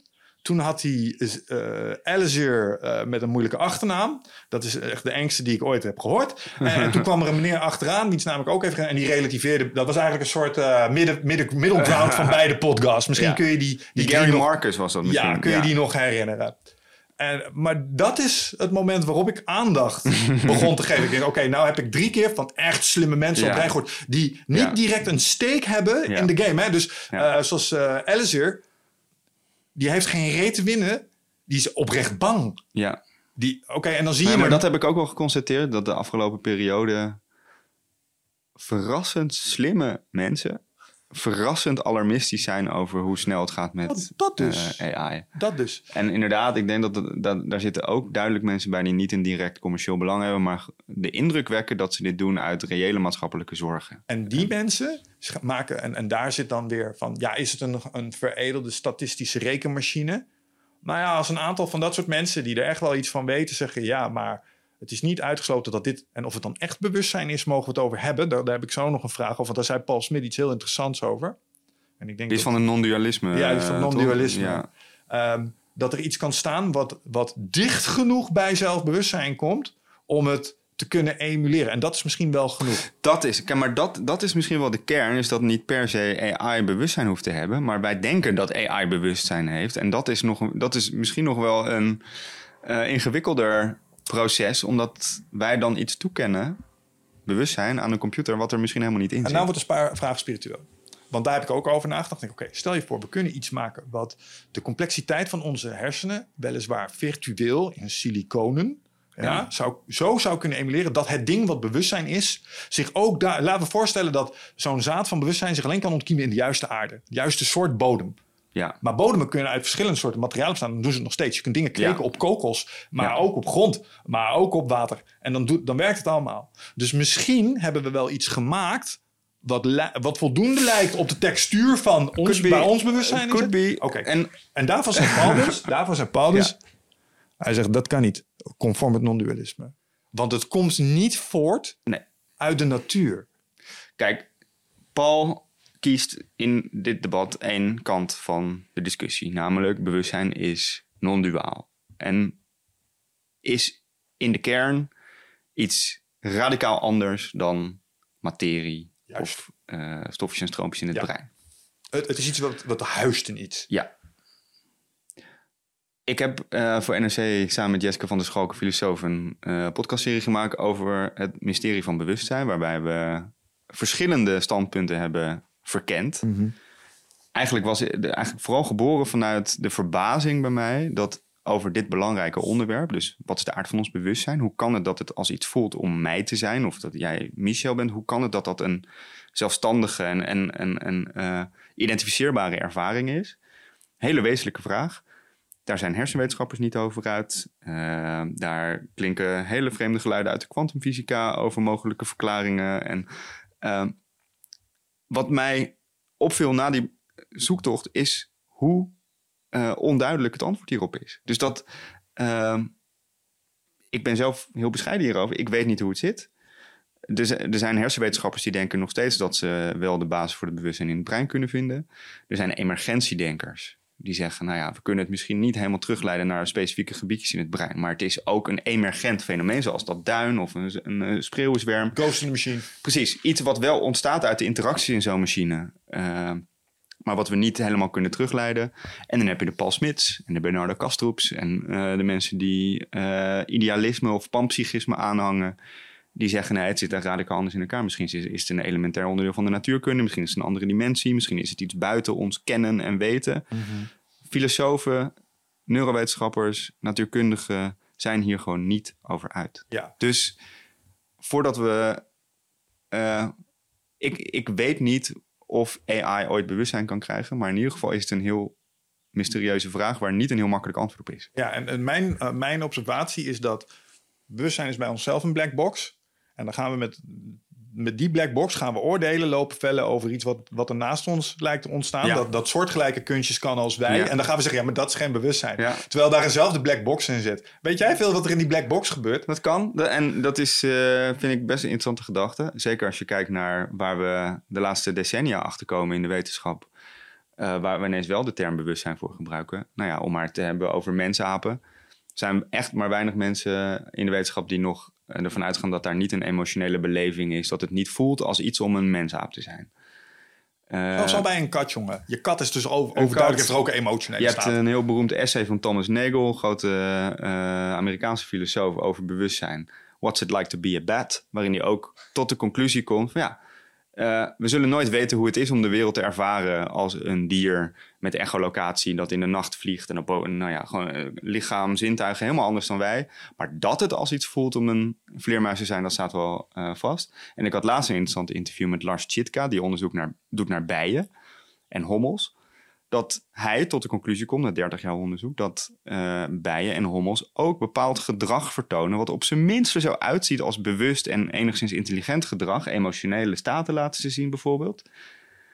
We weten dat we misschien wel een beetje te lang alleen maar mensen bewustzijn hebben toegekend. Dus als er nu naast ons machines komen die ook een beetje vergelijkbaar gedrag vertonen eh, als wat wij doen. En blijk geven van in ieder geval intelligentie. Hoort er dan bewustzijn bij?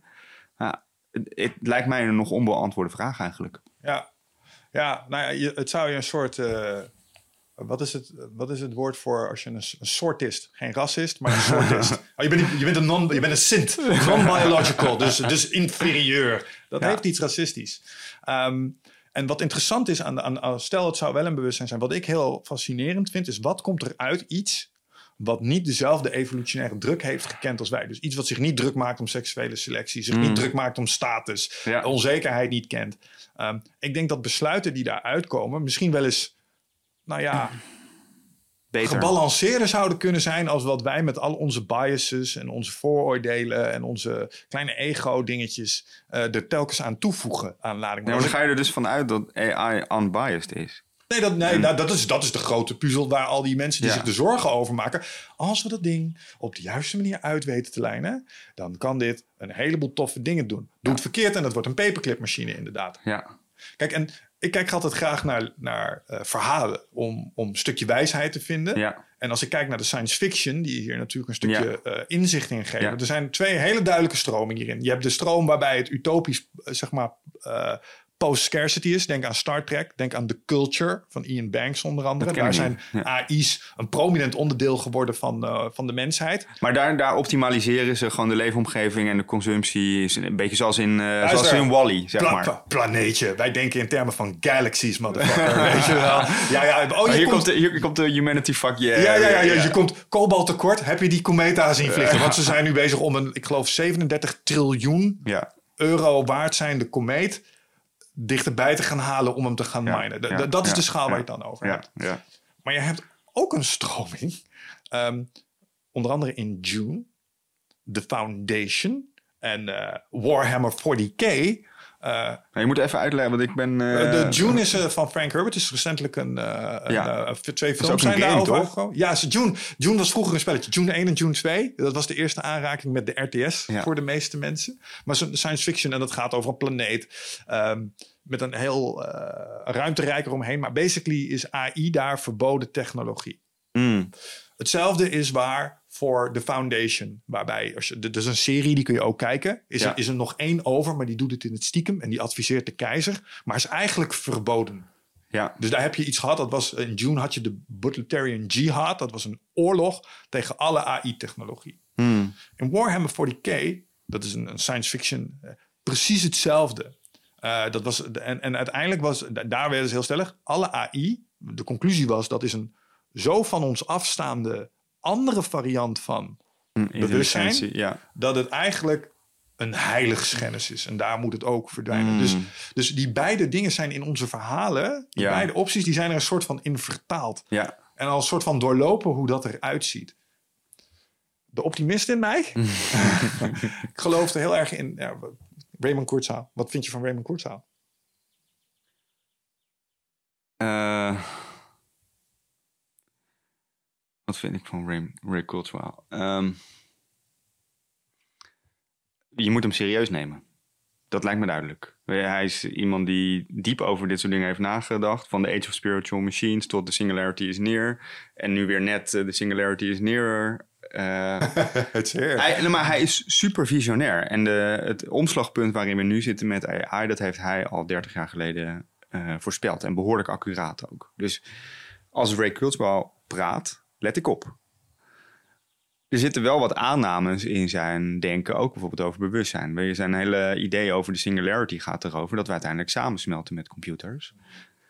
En dat er dus ook iets van bewustzijn in die computer eh, kan komen. Ja. Ik denk dat, dat wa- om de reden die ik net zeg, omdat we dat bewustzijnsvraagstuk nog helemaal niet zo heel helder hebben. We weten niet of het een emergent fenomeen is. Dat denkt hij. Hij denkt het is stofjes en stroompjes. En als je stofjes en stroompjes in een computer stopt, kan die ook bewustzijn krijgen. En die bewustzijnen kunnen dan samensmelten. Could be. Maar jij hebt het over science fiction verhalen. Uh, dat zijn natuurlijk hele belangrijke narratieven om dit soort ontwikkelingen in te duiden. Maar wat ik ook wel interessant vind, is dat er ook in het werk van Ray Kurzweil heel veel religieuze thema's zitten. En dat je, als je theologie erbij pakt, dat daar ook allerlei eh, eh, echo's zitten van eh, wat Ray Kurzweil be- betoogt. De wederopstanding is ook zo, is, is een punt in de Bijbel waarop alles weer samenkomt en de doden worden opgewekt en bijna een soort van transhumanistische toekomst. Uh, dus ik kijk daar ook met, dat wantrouwen naar, met hetzelfde wantrouwen als ik naar religieuze verhalen kijk. Het is, het is een religieus narratief met een, soort van utopisch punt in de toekomst. En ik denk dat de werkelijke toekomst veel ingewikkelder is dan één duidelijk punt. Zeker. Nee, dat 100%. De, de reden dat ik naar Kurzweil refereer is omdat ik zijn. Kijk, even ongeacht of ik het met hem eens ben over het eindstation. Want heel eerlijk, dat transhumanisme, ik was eerst fan. Maar hoe meer ik. Kijk, nogmaals, ik denk dat we onze connectie met natuur moeten herstellen om 100% gelukkig te zijn, omdat we moeten omarmen waar we vandaan komen. Ja. Ik denk dat technologie een heleboel van ons in staat zou kunnen stellen om dat weer te bereiken omdat er een heleboel lasten nu worden gedragen door, door dat stukje. En wat de singularity voor mij eigenlijk is, is die curve van exponentiële groei. En als je oplet en je kijkt naar AI-nieuws, dat gaat niet over maanden meer, hè? Nee, dat eens. gaat over Ja. uren. Ja, eens. Ja. Als ik een video over AI zie, Paul zei dat ook heel mooi. Oh, is al twee dagen oud. Ja. Dat kun je bij elk ander onderwerp bijna niet voorstellen. Dat is super recent dan. Ja. Dus, ehm, dus dat, die, Ja. dat die is ingezet en, dat, en dat, dat blijf ik zeg maar herhalen. Want mensen onderschatten dat volgens mij. Dat dat patroon wat dit in staat stelt bij taal. Maar zo is een soortgelijk effect zou kunnen hebben op andere onderdelen gaat tezamen. Oké, dus ik ben nu een, genes- een wetenschapper naar genetisch modificeren van dingen. Bijvoorbeeld eten wat in de Sahara zou kunnen groeien. Ik noem Ja, maar iets. ja, ja. En, eh, Nee, even, eh, dat is echt... dus klik, klik. En, Ja. en, en die gaat dan. En dan gaat eh, de medische wetenschap. En dan gaan economische modellen en governance modellen. En alles ineens wordt. Eens, De- eh, maar het is een transformatieve technologie. Dat, dat, dat is duidelijk. En eh, inderdaad, voor het optimaliseren van gewassen, eh, voor het geven van advies. eh, maar, nou ja, technologie zo luidt het cliché, en dat klopt ook, eh, kan voor goed en voor kwaad worden gebruikt. Ja. En de existentiële bedreigingen die er uit AI komen, zijn bijvoorbeeld ook dat je ineens virussen helemaal kunt optimaliseren en kunstmatige pandemieën ermee kunt loslaten. En Hey, als, dat, als, dat ding het, als dat ding het op zijn heupen krijgt en het krijgt toegang tot Wuhan, dan hebben we een probleem. snap je?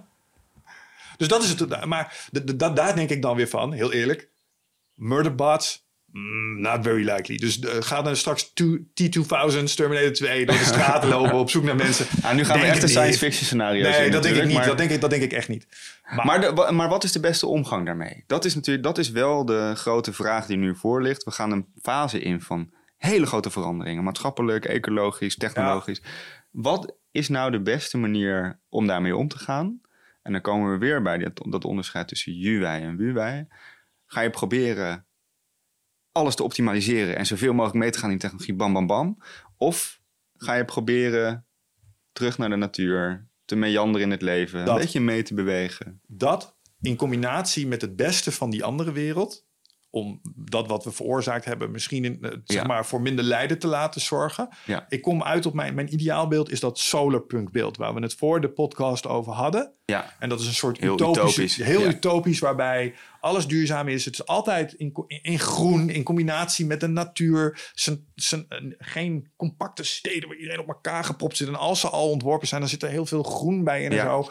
Allemaal in harmonie met, met de natuur. Omdat we hebben gerealiseerd dat onze impact er is. En dat we daar, eh, zeg maar, nou, dominion. We, hebben, we, hebben, dus we zijn Ja. stewards geworden in plaats van cons- consumenten. Nou, maar ik geloof wel. Ik, ik- ten eerste vind ik het een heel aantrekkelijk beeld, omdat het twee eh, belangrijke elementen combineert. Het combineert het eh, terug naar de natuur gaan en het realiseert zich dat technologie onderdeel van de oplossing kan zijn. Inderdaad.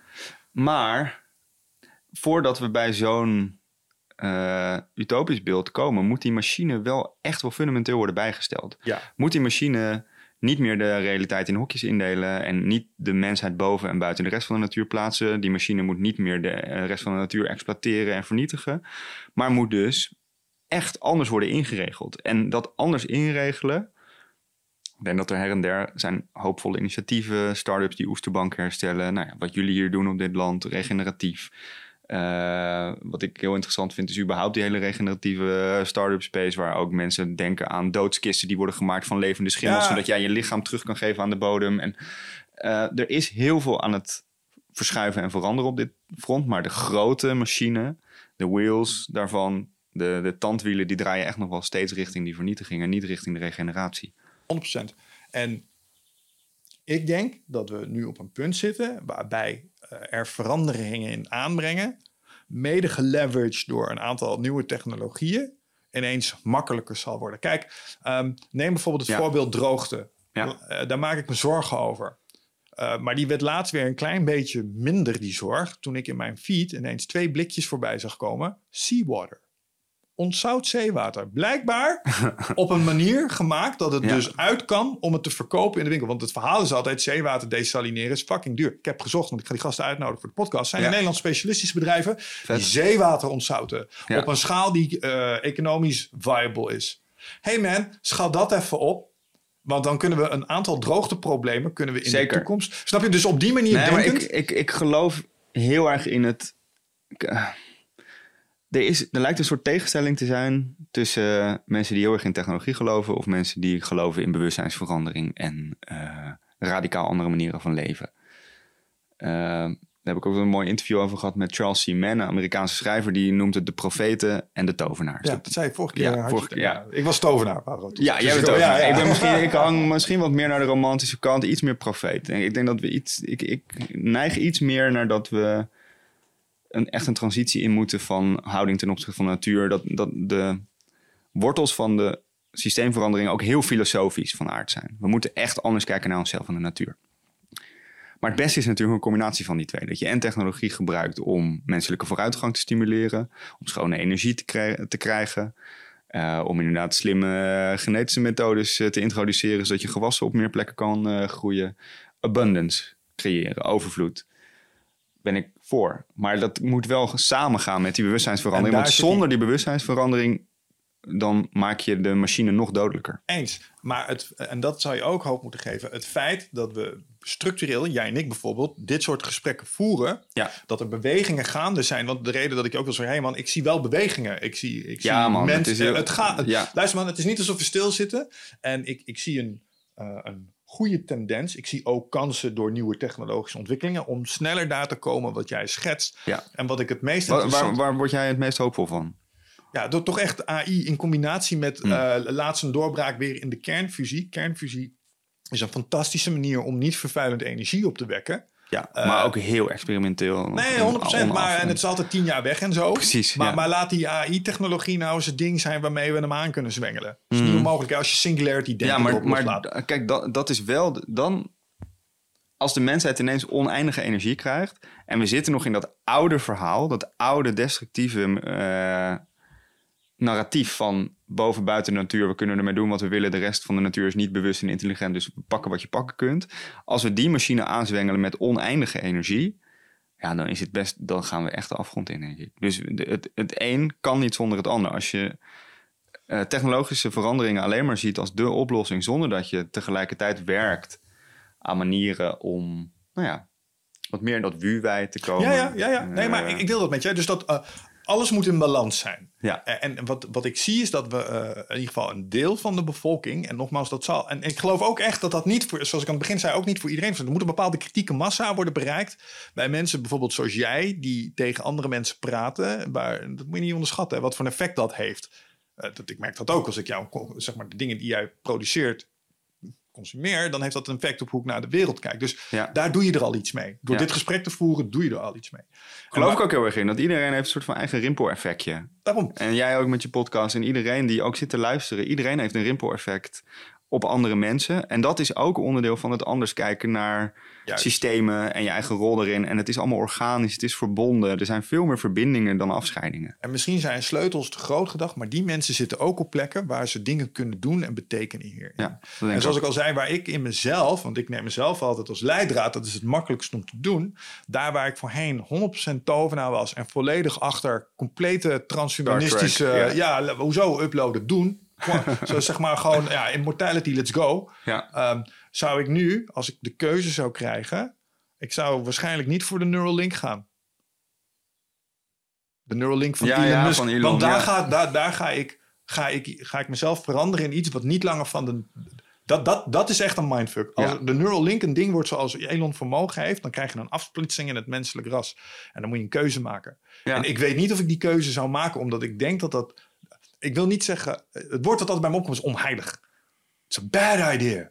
Eh, en ik, en, en Ja, dat komt een het heeft beetje... een beetje, maar goed, dat zit ook heel diep in onze cultuur. Hè? De hele mythe van Prometheus die met het vuur speelde en door de goden werd verbannen. Er is altijd al iets in onze cultuur geweest van spelen met technologie is toch een beetje afleiden van het goddelijke en het menselijke. En eh, ook dat zijn, we leven in verhalen, in oude verhalen, nieuwe verhalen. Eh, maar ik denk dat we met dit nieuwe verhaal heel voorzichtig moeten zijn. Dat we, 100%. dat we er niet te veel blind op moeten varen. Ja, voorzichtigheid is, is geboden met, elke, met, met alle technologie. Dat, heb, dat heeft het verleden wel aangetoond. Ik bedoel, Ah, eh, laten we even om ons heen kijken... in wat voor situatie we ons bevinden. Dus daar zit wel de, een verandering, eh, merk ik bij mezelf. En dan denk ik altijd, dat is ook wel representatief... voor hoe andere mensen hierin zullen zitten. Ja. Alleen, ik denk dat... Als ik bijvoorbeeld kijk naar mijn neefje en hoe die eh, in de wereld staat. Hij is niet dom, hij weet van deze dingen, maar hij krijgt hem niet van het vlees af. Barbecue is zijn grootste hobby. Ja. En dan denk ik, ja, oké, maar is het echt noodzakelijk om hem om te krijgen als dat op andere plekken voor een stroming gaat zorgen Ja. waar, waar, je niet, waar je niet aan kunt ontsnappen? Ik ben ook nog niet volledig eh, vegetarisch en nog niet eh, vegan. En eh, ik draag ook nog wel schoenen van leer. En, eh, ik, geloof heel erg ook in, eh, dat is zo'n uitspraak in, van iemand in de Zero Waste Movement. Dus de beweging die eh, al het afval eh, kwijt wil. Dus dat je veel meer, men, veel meer hebt aan een miljoen mensen die dingen imperfect doen... dan één iemand die iets perfect doet. En juist omdat we allemaal met elkaar in verbinding staan, juist omdat we allemaal rimpeleffecten hebben en dat er wel daadwerkelijk echt wel veel verandert in de houding ten opzichte van vlees. Heel veel van, Ja, ja. verandert in de houding ten opzichte van de natuur, denk ik ook al wel. Ehm, we zitten in een hele wiebelige tijd. Maar dat kan er ook voor zorgen dat die transitie best wel snel verloopt. Misschien wel versterkt door technologie, misschien wel versterkt door AI-bots die ons vertellen dat we minder vlees moeten eten om gezonder te worden. I don't know. Maar Nou ja, of eh, anders. Kijk, eh, ik, ik hoorde je er straks zeggen wat ik echt een gemis vind. In, eh, als jij dit echt dagelijks onderzoekt. Had jij My Little Farm nou wel of niet gekeken? nee, heb ik nog niet gezien. Zou ik eens een keer doen, man. Ja, ja. Al, al is het alleen maar om, het, om te zien wat ze daar schetsen met drawdown. Gewoon de CO2-opslag in de bodem bedoel je? We gaan op een andere manier eh, landbouw eh, betrachten met z'n allen. Ja, Dus eh, we gaan met z'n allen snappen dat dat een goed idee is. En dat die grootschalige landbouw Ja. misschien niet zo'n heel handige opzet is. Als, het, als dat je doel is. En als je gelooft dat dat een impact heeft. Want dan moet je tegenwoordig zeggen. Ja, als je gelooft dat CO2 en stikstof een element zijn. in nou, de, ja, dat, is, lijkt, dat lijkt me duidelijk inderdaad. Maar wat ik wel, ik heb deze film dus niet gezien. Wel onder het maaiveld, een beetje een Nederlandse variant ervan. En eh nou, ik volg met interesse wat er gebeurt in die regeneratieve boerderijen. Maar wat ik daar soms toch wel een beetje mis, is die tovenaars mindset. Dat eh er soms lijkt er een beetje een gebrek aan een harde rekensom van zoveel energie input is er nodig en zoveel energie output komt er uit je land. Als we 7 miljard mensen, of wat zijn het er inmiddels? 8, denk ik. 8 miljard mensen op aarde te voeden hebben ja, dan gaan we niet komen met voedselbossen, helaas. Eh, dus ook hoogtechnologische manieren om efficiënt voedsel te verbouwen, of dat nou vertical farming is, of eh à la Westland in kassen, of eh, toch op een of andere manier hoogintensief met eh, bestrijdingsmiddelen. Ik weet niet of het helemaal onontkoombaar is, omdat we nou eenmaal met heel veel mensen op aarde zijn die allemaal willen eten. Nee, 100%. Eh, maar, dan tegelijkertijd is het ook te bedenken ehm, dat je een aantal van die technieken weer gaat leren toepassen op een manier die een soort van semi-geautomatiseerd is. Heb je Ja. gezien hoe ze tegenwoordig eh, planten bestuiven? Dat is echt dystopisch, jongen. Dan rent er een gast met een soort kruiwagen door een veld heen. Er zitten van die rubberen flappen op. Die gaan door stuifmeel heen. En daarmee, want er zijn geen bijen meer. Ja, vreselijk. Ja, maar... Ik maar, las laatst een plannetje over dronebijen. Dat Ja. je gewoon, en, en drone betekent trouwens ook dar in het eh, Engels. Dus dat je gewoon gerobotiseerde nepinsecten... Ja, dat lijkt mij dus een dystopie. Dat is, dat is het ook. Ja. Maar om aan te geven dat er. eh, je kan volgens mij best wel regeneratieve landbouwpraktijken ook op grote schaal doen. Maar dan moet je bereid zijn om misschien sommige dingen weer te gaan doen zoals ze vroeger werden gedaan. En dan worden ze misschien wel arbeidsintensiever. Ja. Maar ik voorspel dat er toch hele grote groepen populatie binnen de zonder baan zitten. Dus dan hebben we allemaal te doen. En je wilde de connectie met de natuur herstellen, toch? Dus ga gaten graven alsjeblieft. Weet je, nee, ja, nee gekkigheid, gekkigheid. Dat, Die- dat is te die makkelijk Paul, gedaan. Die Paul Kingsnorth, eh, die zegt dit ook. Van, uite- uiteindelijk is er volgens hem, en hij is echt een profeet. Niet een tovenaar, maar een Mhm. echt een profeet. Volgens hem is er eigenlijk maar één methode om eh, jezelf in de wereld te redden. Is, simpel leven, terug naar het Ja, land. ja, eh, ja. En inderdaad weer eh, in het zweet des aanschijns gewoon zelf je voedsel te gaan verbouwen. Ja, maar ik, ik, jongens- ik denk dat dat veel te beperkt gekeken is trouwens. Maar, Nou, nou, jongens zoals David Shapiro, dat, zijn, dat is ook zo'n visionair op AI. Die, Ja. die, die zegt dat ook zo van ja, oké, stel je voor dat alle blue collar of white collar banen gewoon weg zijn straks. Wat ga je dan doen met al die mensen? Die moeten zingeving hebben. En je kan niet zeggen, nou, ga maar lekker gaten graven. Want er zijn, eh, hij zegt, dat wil ik niet. Daar heb ik helemaal geen ambitie toe. Nee. Eh, ik, Maar dat hebben we gezien in de film Her, toch? Dan gaan ze liefdesbrieven schrijven eh, naar elkaar. En, eh, creatieve dingen doen. nou ja, en eh, veel vrije tijd. En eh, verliefd worden op hun AI's. Maar eh, ja... Het, eh, Iedereen de- een de- seksbot erbij. Dat is, dat is hoe ik, als ik een AI was, de mensheid eh, zou om zeep helpen. Ik Iedereen ze afleiden met een- seks. Allemaal een seksbot geven waarbij je biologisch niet kunt voortplanten. Maar dat ding is echt helemaal perfect gemaakt voor jou.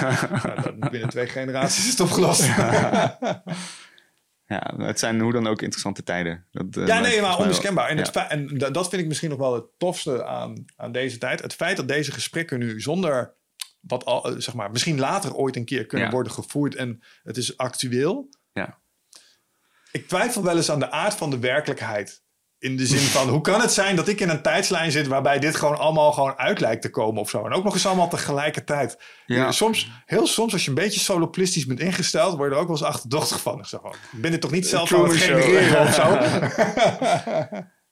Nou, ook daar zit wel weer natuurlijk een valkuil. Dat je, dat, eh, daar is een hele mooie term voor chronocentrisme. Dat iedereen eigenlijk altijd denkt dat zijn tijd de allerinteressantste en spannendste ooit is. Eh, Sure. Maar nu De- is er objectief heeft- ook wel een lans voor te nou, breken, ik, denk ik. ik denk, ik denk dat als je in ieder geval complexiteit als maatstaf neemt, dat er wel echt iets voor te zeggen is dat eh, de samenleving, de economie, de, de factoren die op elkaar inwe- eh, inwerken in klimaat en ecologie, dat het echt nooit eerder zo complex is geweest. En dat we door het toevoegen van al die extra complexiteit ook wel heel veel kwetsbaarheid in het systeem hebben gebracht. Dat begrijp ik. Dus dat, dat, de aanname dat het nu kwetsbaarder voelt, meer veranderingen mogelijk dan als je 100 jaar geleden leefde, dat dat niet heel gek gedacht is. Ja, de zekerheid is lager. Ja, Maar het is een beetje als eh, met eh, roulette. Je hebt sommige vakken op dat bord. En die hebben een hogere kans van winnen. Je hebt sommige, als je erop inzet, dan eh, win je ook echt groot. Zeg Ja, maar, de omdat de kans Ja. gewoon kleiner is en dat soort dingen. En het voelt een beetje alsof we in een tijdslijn zitten waarbij we op het meest zeg maar, risicovolle vak hebben ingezet met alles wat we hebben. En dit gaat echt of fantastisch goed of helemaal mis. ja. En eh, eh, het is interessant om in die tijdslijn te zitten, inderdaad. Als je gelooft in dat soort dingen. ja maar ook, maakt ook wel onrustig of zo. En eh, wat dat betreft denk ik ook dat dat heeft in ieder geval voor mij best wel veel verschil gemaakt. Dat ik op een of andere manier in 2020 merkte dat er in mijn eigen leven heel veel aan het verschuiven was. In de maatschappij heel veel aan het verschuiven was. En dat het zoeken naar die, die oudere verhalen van betekenisgeving. Voor mij was het het Taoïsme wat, wat opkwam en wat eh, veel waarde heeft. Ik denk dat voor, voor andere mensen weer het in de Bijbel staat. Of, Ja, Ik denk dat dit ook een tijd is waarin mensen toch weer wat meer gaan teruggrijpen naar snakken Wat- ernaar. wat hebben, wat hebben al die voorouders van ons zitten bedenken als oplossingen hierop? En dat daar best wat zinnigs tussen staat. Dat het ook best de moeite waard is om daar weer eens een keertje op terug te grijpen. Omdat eh, ook wel in meer tijdgevrichten in de geschiedenis er veel tegelijkertijd aan het gebeuren was. En mensen een verhouding moesten vinden met grote onzekerheid. Kijk, ik, ik denk dat de conclusie is dat we te extern gericht zijn. Als je naar die, naar die wijsheden over al die stromingen heen kijkt. ehm, we zijn de connectie met natuur en met onszelf helemaal kwijt, omdat alles ligt in het externe. Ja, Eh, en, en ik denk dat een boel mensen deze periodes beter kunnen navigeren als ze het daar weer vinden. Ja. Ehm, nou, dat denk ik ook wel. en, en, en dat we, want zo optimistisch als ik kan zijn over technologie, ga ik altijd naar één soort examenmoment en dat is je sterfbed.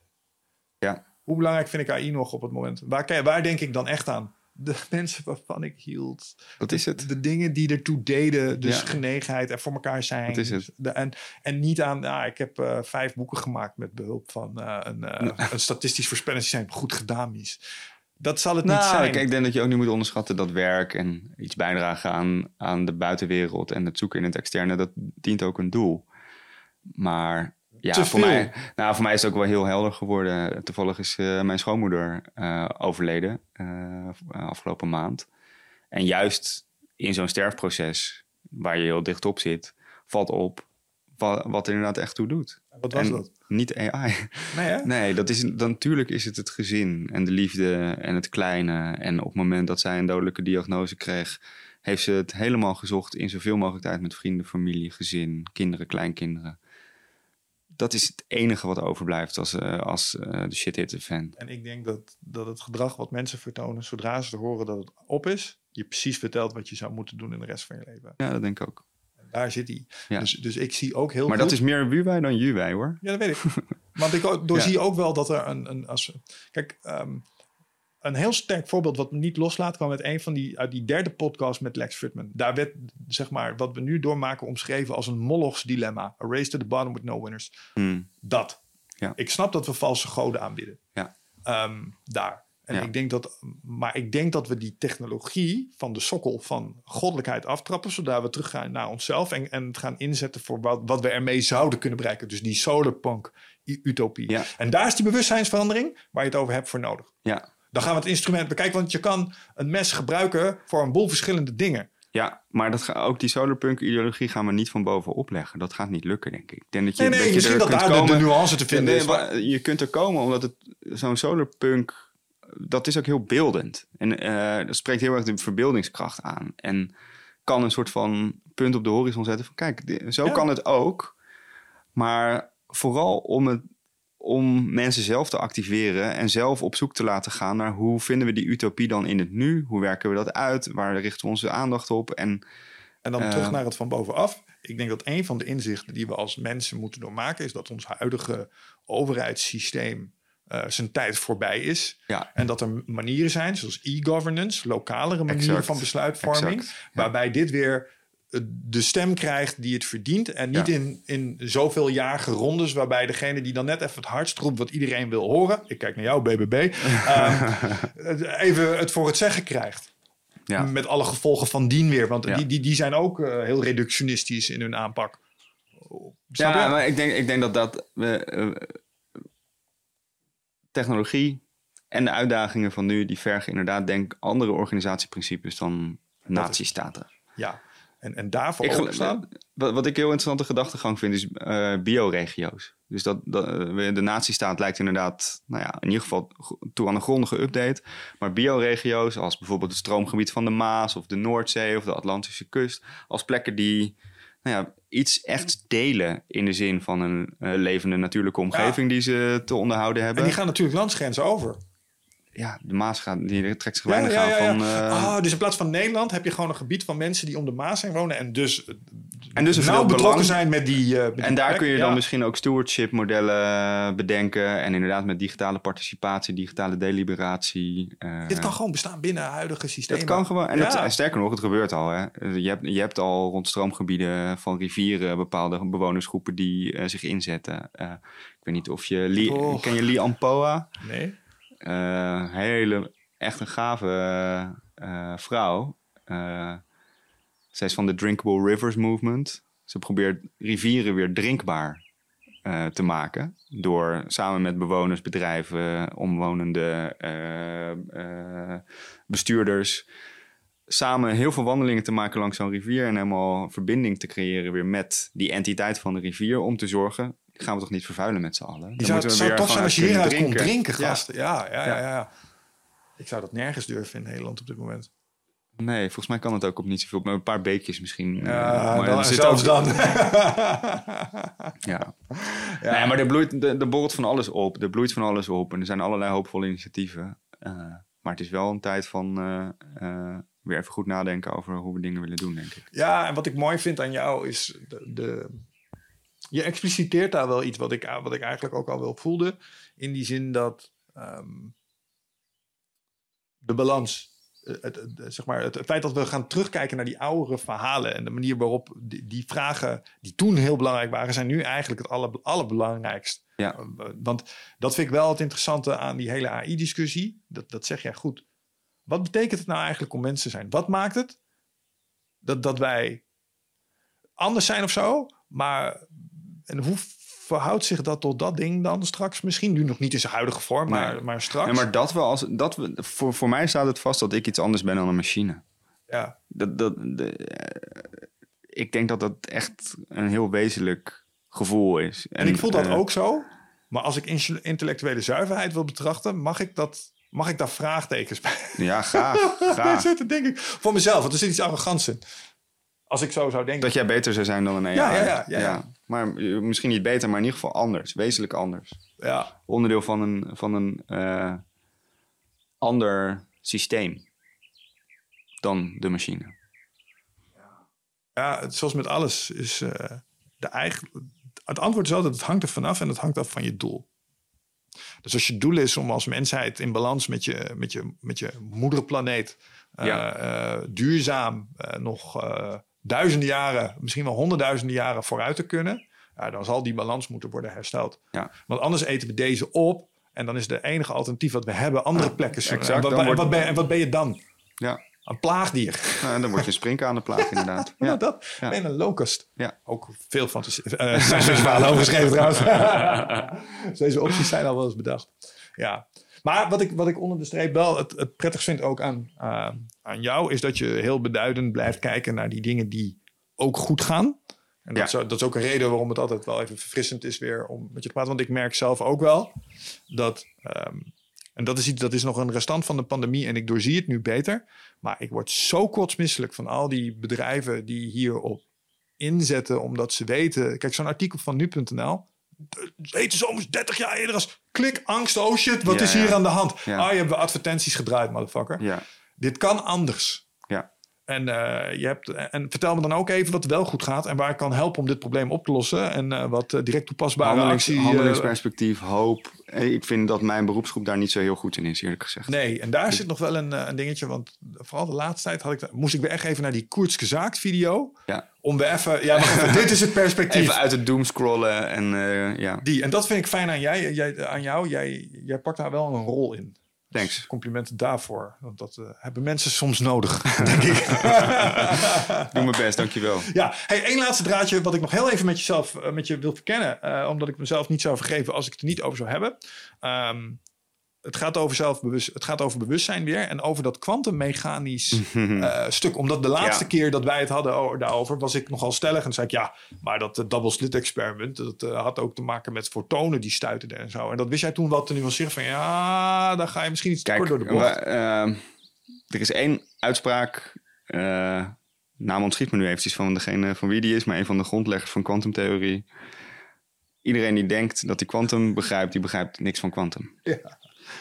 Ik pretendeer niet dat ik hier de wiskundige eh, mechanismes achter de kwantummechanica snap.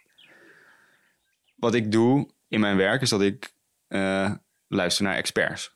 En eh, bronnen erbij zoek als ik vragen heb.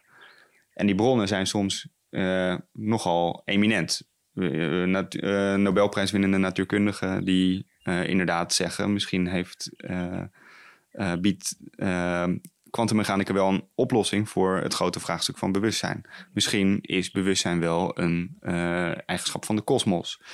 Ehm misschien is ons universum participatief in plaats van objectief. Dus nemen wij deel aan de creatie van eh, het universum met waarneming.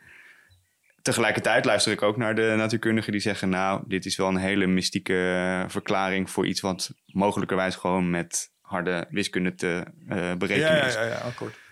Ehm, het valt me gewoon op dat deze discussie zo breed wordt gevoerd nog. Terwijl ik eigenlijk dacht, eh, we zijn er wel een beetje uit, toch? Hoe de realiteit is en wat de natuurkunde is en wat ons be- bewustzijn is. Maar juist omdat er zo'n breed spectrum ontstaat en echt niet allemaal gekkies. Mensen die, net- eh, die dus Nobelprijswinnaars zijn, eh, heel diepgaand onderzoek doen naar zwarte gaten. Ja, ja. Die toch iets van een rol voor bewustzijn in de kosmos zien. En nou ja, dat maakt mij vooral nieuwsgierig. En Ja. maakt mij ook heel humble dat ik het dus zelf in elk geval echt niet weet. Ja, ja, dat vind ik ook wel een mindfuck. Want die kwam ook bij iemand die bij Lex zat vandaan. Waarbij wordt uitgelegd dat, ja, realiteit voelt wel heel erg zo, maar is hologram. Hoffman, ja. En, en, en hè, maar hoe dan, weet je Ja. wel? En eh, da- da- zeg maar, dat wordt dus hier gegenereerd, maar ik zit toch hier en... eh, Maar onze zintuigen schieten sowieso tekort om de kwantumwerkelijkheid helemaal waar te nemen. Eh, we ervaren niet eh, verstrengeling eh, op dagelijkse basis. Eh, er gebeuren allerlei dingen buiten onze zintuigen om, dat is duidelijk. En hoe dat precies inwerkt op het bewustzijn is vooralsnog gewoon een heel groot mysterie. Maar dat het een mysterie is, is toch wel heel vet. Is heel cool. Ja, ja, heel nee, cool dat, ja, dat, dat, dat de wetenschap helemaal niet zo eh, onttoverend hoeft te zijn. Eh, als je maar beter kijkt in die wetenschap, dan wordt die juist heel betoverend en, ver- eh, en vergroten juist de, de mysteries op een hele interessante Ja, ik vind het mysterie heel lekker, want het laat ruimte voor fantasie. Maar dat is ook belangrijk. Een ja, beetje verbeelding en fantasie is toch ook belangrijk om. om... Dat is. De- aanname dat die realiteit een machine is die je wel kunt ontleden en eh, alle onderdeeltjes ervan in kaart kunt brengen en dan zien wat er gebeurt. Ik denk dat dat een beeld is wat al lang niet meer bestaat bij de meeste wetenschappers. Maar hoe denk ik veel mensen nog steeds wel naar de, wetenschapper, eh, naar de wetenschap kijken. Eh, en zeker op dat bewustzijnsvraagstuk. We zijn geen machine. En ook dat vraagstuk moeten we niet benaderen als een machine. Tenzij wat Elon Musk zei klopt, namelijk dat dit niet based reality is. Wat, wat, wat bedoelt hij eh, Nou, hij zei, daar is een beetje flauw, maar eh, wat, wat Elon ooit een keer zei over eh, AI en wonderbaarlijke technologie, is dat als je op een gegeven moment ver genoeg bent en je zit op het niveau van Matrushka brains, dus eh, je hebt een, eh, een computer om een ster heen gebouwd, Oh, ja. dan, dan zijn die dingen zo sterk dat ze universa kunnen simuleren. Dus, Ja. ehm, dus de kans is statistisch gezien niet nul dat je niet in een simulatie zit. Nee, maar de- ik heb eh, vlak voordat ik wegging op sabbatical... een interessant interview gedaan met David Chalmers. En David Chalmers is de, de filosoof die The Hard Problem of Consciousness heeft eh, geformuleerd. eh, ik geloof in de jaren tachtig, is hij de filosoof geweest die zei van ja, hou eens even, dat is, dit is echt een heel moeilijk filosofisch probleem. En hersenwetenschappers kunnen wel denken dat ze de werking van bewustzijn enigszins in kaart kunnen brengen, maar dat er bewustzijn is, dat is een nog volledig onopgelost mysterie. En hij, in zijn nieuwe boek, komt hij ook tot de conclusie over simulaties. En over dat we inderdaad helemaal niet zeker kunnen weten dat we niet in een simulatie Ja. eh, leven. Dan kom je wel in echt eh, high-level zweverige eh, filosofie uit. Maar hij is ook volstrekt serieus genomen in zijn vakgebied. Het is, het is geen mystieke goeroe, maar een academische filosoof. En nou ja, ik luister daar gewoon vol interesse naar. Ja, ik en ik, ook, luister- ik vind het fascinerend dat dit soort theorieën eh, eerder in opkomst lijkt te zijn dan dat het, dat het minder wordt. Niet En- onplausibel zijn. Nee, blijkbaar Dat als je naar de kwantumfysica kijkt en naar eh, eh, de aard van de kosmos, de realiteit, dan, dan doen we er dit soort vragen op. Wat is je favoriete model? Uh, Mod- want je, je, hebt, je hebt een boel verschillende verklaringen natuurlijk van allerlei experts gehoord. Zit er Voor, een voor tussen? bewustzijn bedoel Ja, want er zit er een tussen waarvan ik, maar als je het aan mij vraagt. Ja. Dat, maar nu begeef ik me dus per definitie op heel speculatief terrein. Waarvan acte? Er is goede notie van genomen. Ik ben agnost. Ik weet het echt niet. Oké. Ik denk dat er in ieder geval heel veel tegen in te brengen is dat het puur een eh, proces is wat zich in je eigen brein afspeelt. Eh, ik zit ergens een beetje, ik weet niet of emergentiedenkers of eh, de eh, non-dualisten, dualisten eh, het bij het rechte eind hebben. Ehm, ik, sowieso is mijn ervaring ook dat je eigen bewustzijn en je eigen ervaring vooral relationeel van aard is. In interactie is met je lichaam, met je brein, met dingen in je omgeving. Dat, Hmm. dat is wat een bewustzijn produceert. Dus ik neig misschien het meest naar dat emergente denken. Maar ja, die bevindingen uit de kwantum doen toch ook vermoeden dat daar eh, dimensies en eh,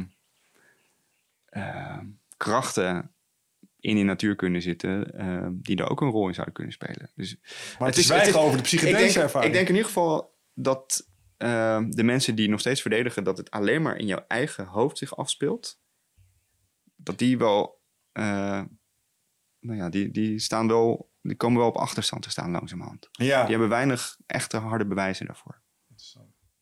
Ja, ik, ik denk dat ook. Nou, ik refereerde net al naar de psychedelische ervaring. Eh, Er zijn een aantal mensen in de Ja. podcast geweest die hebben ook verteld over DMT5-ervaringen. en dat gaat, Heb je dat is- zelf al eens gedaan of niet? Nee, Eh, ja, ik heb ayahuasca gedaan. Daar zit ook DMT Ja. in, maar niet die DMT. Dus zie je Ehm, allemaal machine elves. eh, ja, ik heb en, eh, eh, UFO's, de hele shebang. Ik zal het je besparen. Maar ehm, ehm, Sander Aarts die omschreef eh, iets wa- wa- waarvan ik het vermoeden heb dat die het meest waarschijnlijk is als je ernaar kijkt, is dat, dat er een soort fractie van jezelf weer loskomt en dat gaat weer terug naar iets. En Mhm. Het is een soort de, de all-father, de Ja. all-energy. En dat, Ja. dat, dat kan nestelen in dingen die een bepaalde mate van complexiteit hebben. Dat werkt voor jou, dat werkt Ja. ook voor je kat. En, en dit vind ik nog de interessantste daaruit. Het gaat ook die kant op. Je, je bent- nee, er, zit iets, er zijn entiteiten denkbaar. Vooral als je in de psychonatic realm Ja, komt. ja, die, ja, die, een beetje hetzelfde Het- zijn als jij, maar misschien een stukje Ik complexer. heb net een boek. Oh man. Oh, nu gaan we wel echt de stonerhoek in. Maar. eh, Ik, ik vraag ik nog net- een beetje ik- waar je ik, zit. Ik, heb, ik, heb net, ik heb net een boek eh, binnen, Reality, Reality Switch Technologies. Wat precies hierover gaat. Over hoe DMT met name en andere psychedelische middelen. via dat bewustzijn misschien een soort van reality switch kunnen eh, zijn. En dat je de, eh, nou ja, de ervaring die mensen hebben aan die hele wacky eh, DMT-achtige entiteiten ontmoeten. dat er zijn punten in ieder geval dat dat serieuzer moet worden genomen dan tot nu toe deden. Het zijn niet, hoeven niet alleen maar betekenisloze hallucinaties te zijn. Ja, ik kan daar, dat, dat is nog zo far out there en zo onbewezen, ongetoetst. Heel leuk om over na te denken. Ja, zeker. Super leuk om over na te denken. Eh, Nou ja, omdat maar je... ook misschien wel in de kern onbewijsbaar. Misschien, misschien is dat wel een van de dingen die dan bij mij naar boven komen, is eh, niet dat het betekenisloos is om er dan toch naar te zoeken, maar een antwoord zullen we denk ik niet vinden. Niet, niet heel snel. Ah, zelfs, met, eh, zelfs met AI of hele geavanceerde kwantumtechnologie komen we niet tot het, tot het eh, antwoord van eh, wat is ons bewustzijn eh, en hoe relateert dat met de rest van de kosmos. Nee, dat snap ik. tegelijkertijd weet ik wel dat er initiatieven gaande zijn waarbij mensen echt oprecht antropologisch werk doen in de DMT-space. Dus die zijn. Ja. bezig met een catalogus aanleggen van dingen die ze daar tegen... Ze benaderen dat gewoon Ja. als excursies Ja. naar een andere plek waar je dingen voorspelbaar tegenkomt. Mijn probleem ermee is altijd cultural bias. Want ik zeg DMT, jij zegt machine elves. Dat is een meme. Dus als ik DMT doe en ik ken die meme... is de kans groot dat die Helemaal. meme zich vol- voltrekt. Dus daar, daar zit mijn probleem. Maar ik kan wel experimenten verzinnen, jij ook wel... waarbij we dit zouden kunnen verifiëren... Eh, en op basis van de kwalitatieve onderzoeken misschien iets zinnigs erover zouden kunnen zeggen. Zoals al pogingen toe worden gedaan. Maar dan zit je met Ik die denk dat cultural contamination. ik- ja, die is het ik grootste denk- probleem. Ik denk dat dat...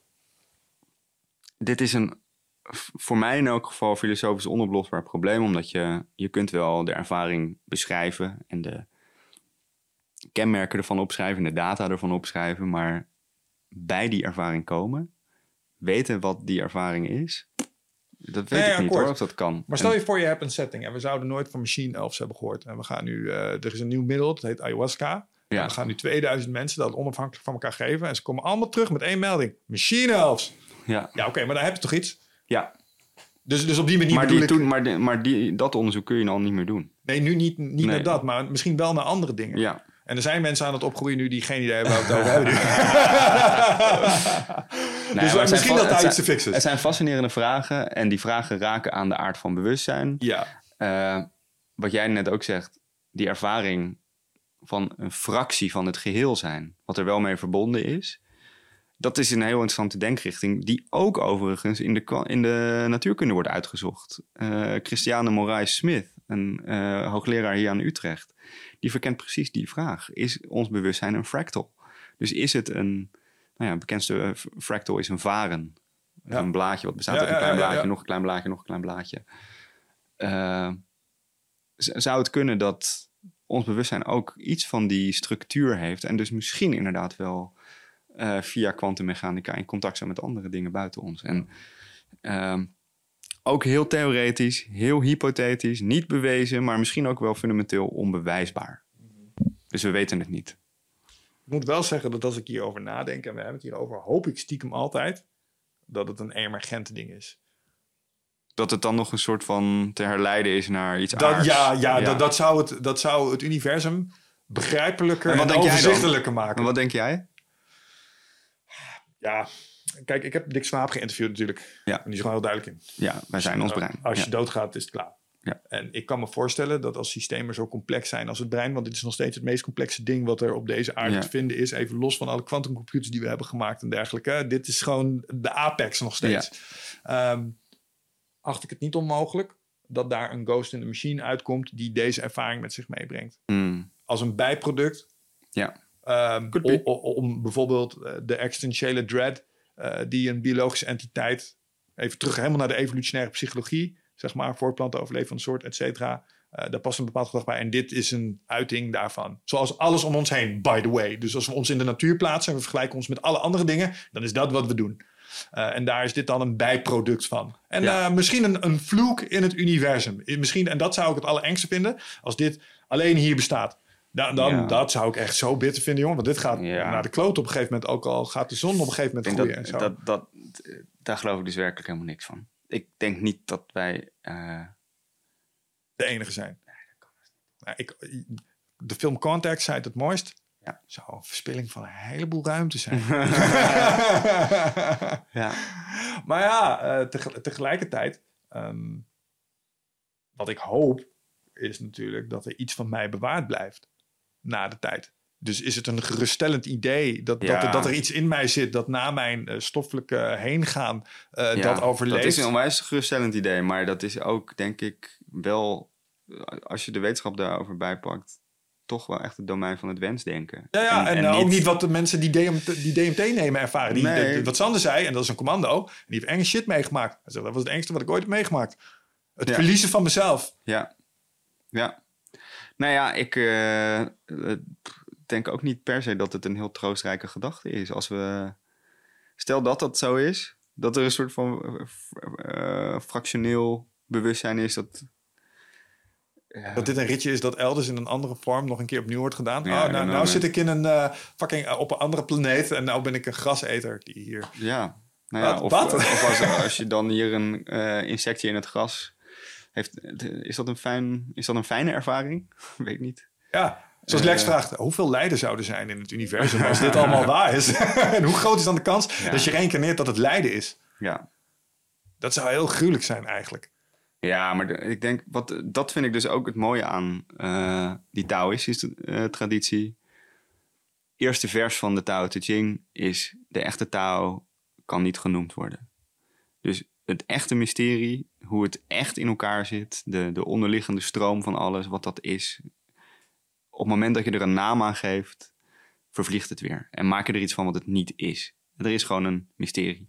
We weten het niet. En daarmee omgaan en daarmee mee bewegen, eh, dat is denk ik uiteindelijk het enige wat we kunnen doen. En het is heel leuk om te speculeren.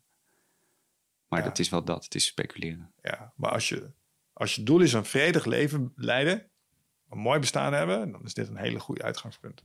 Ja. Dat denk ik wel. Ik denk Ja. dat dat absoluut rust introduceert. Maar het, het echt doen en het voorleven en helemaal wie wij zijn als ik twee huilende kinderen heb, dat lukt mij niet. Nee. Even voor de duidelijkheid. Dus ik- voor mij is het ook nog een zoektocht. Maar ik, denk begin dat je- wel langzaamaan mijn hoofd er een beetje omheen te krijgen welke richting het dan uit zou kunnen. Ja, en, en, en ik denk dat je volledig voorbij gaat aan een van de dingen die ik in het hele humanity vakje denken een van de mooiste eigenschappen van de mens vind.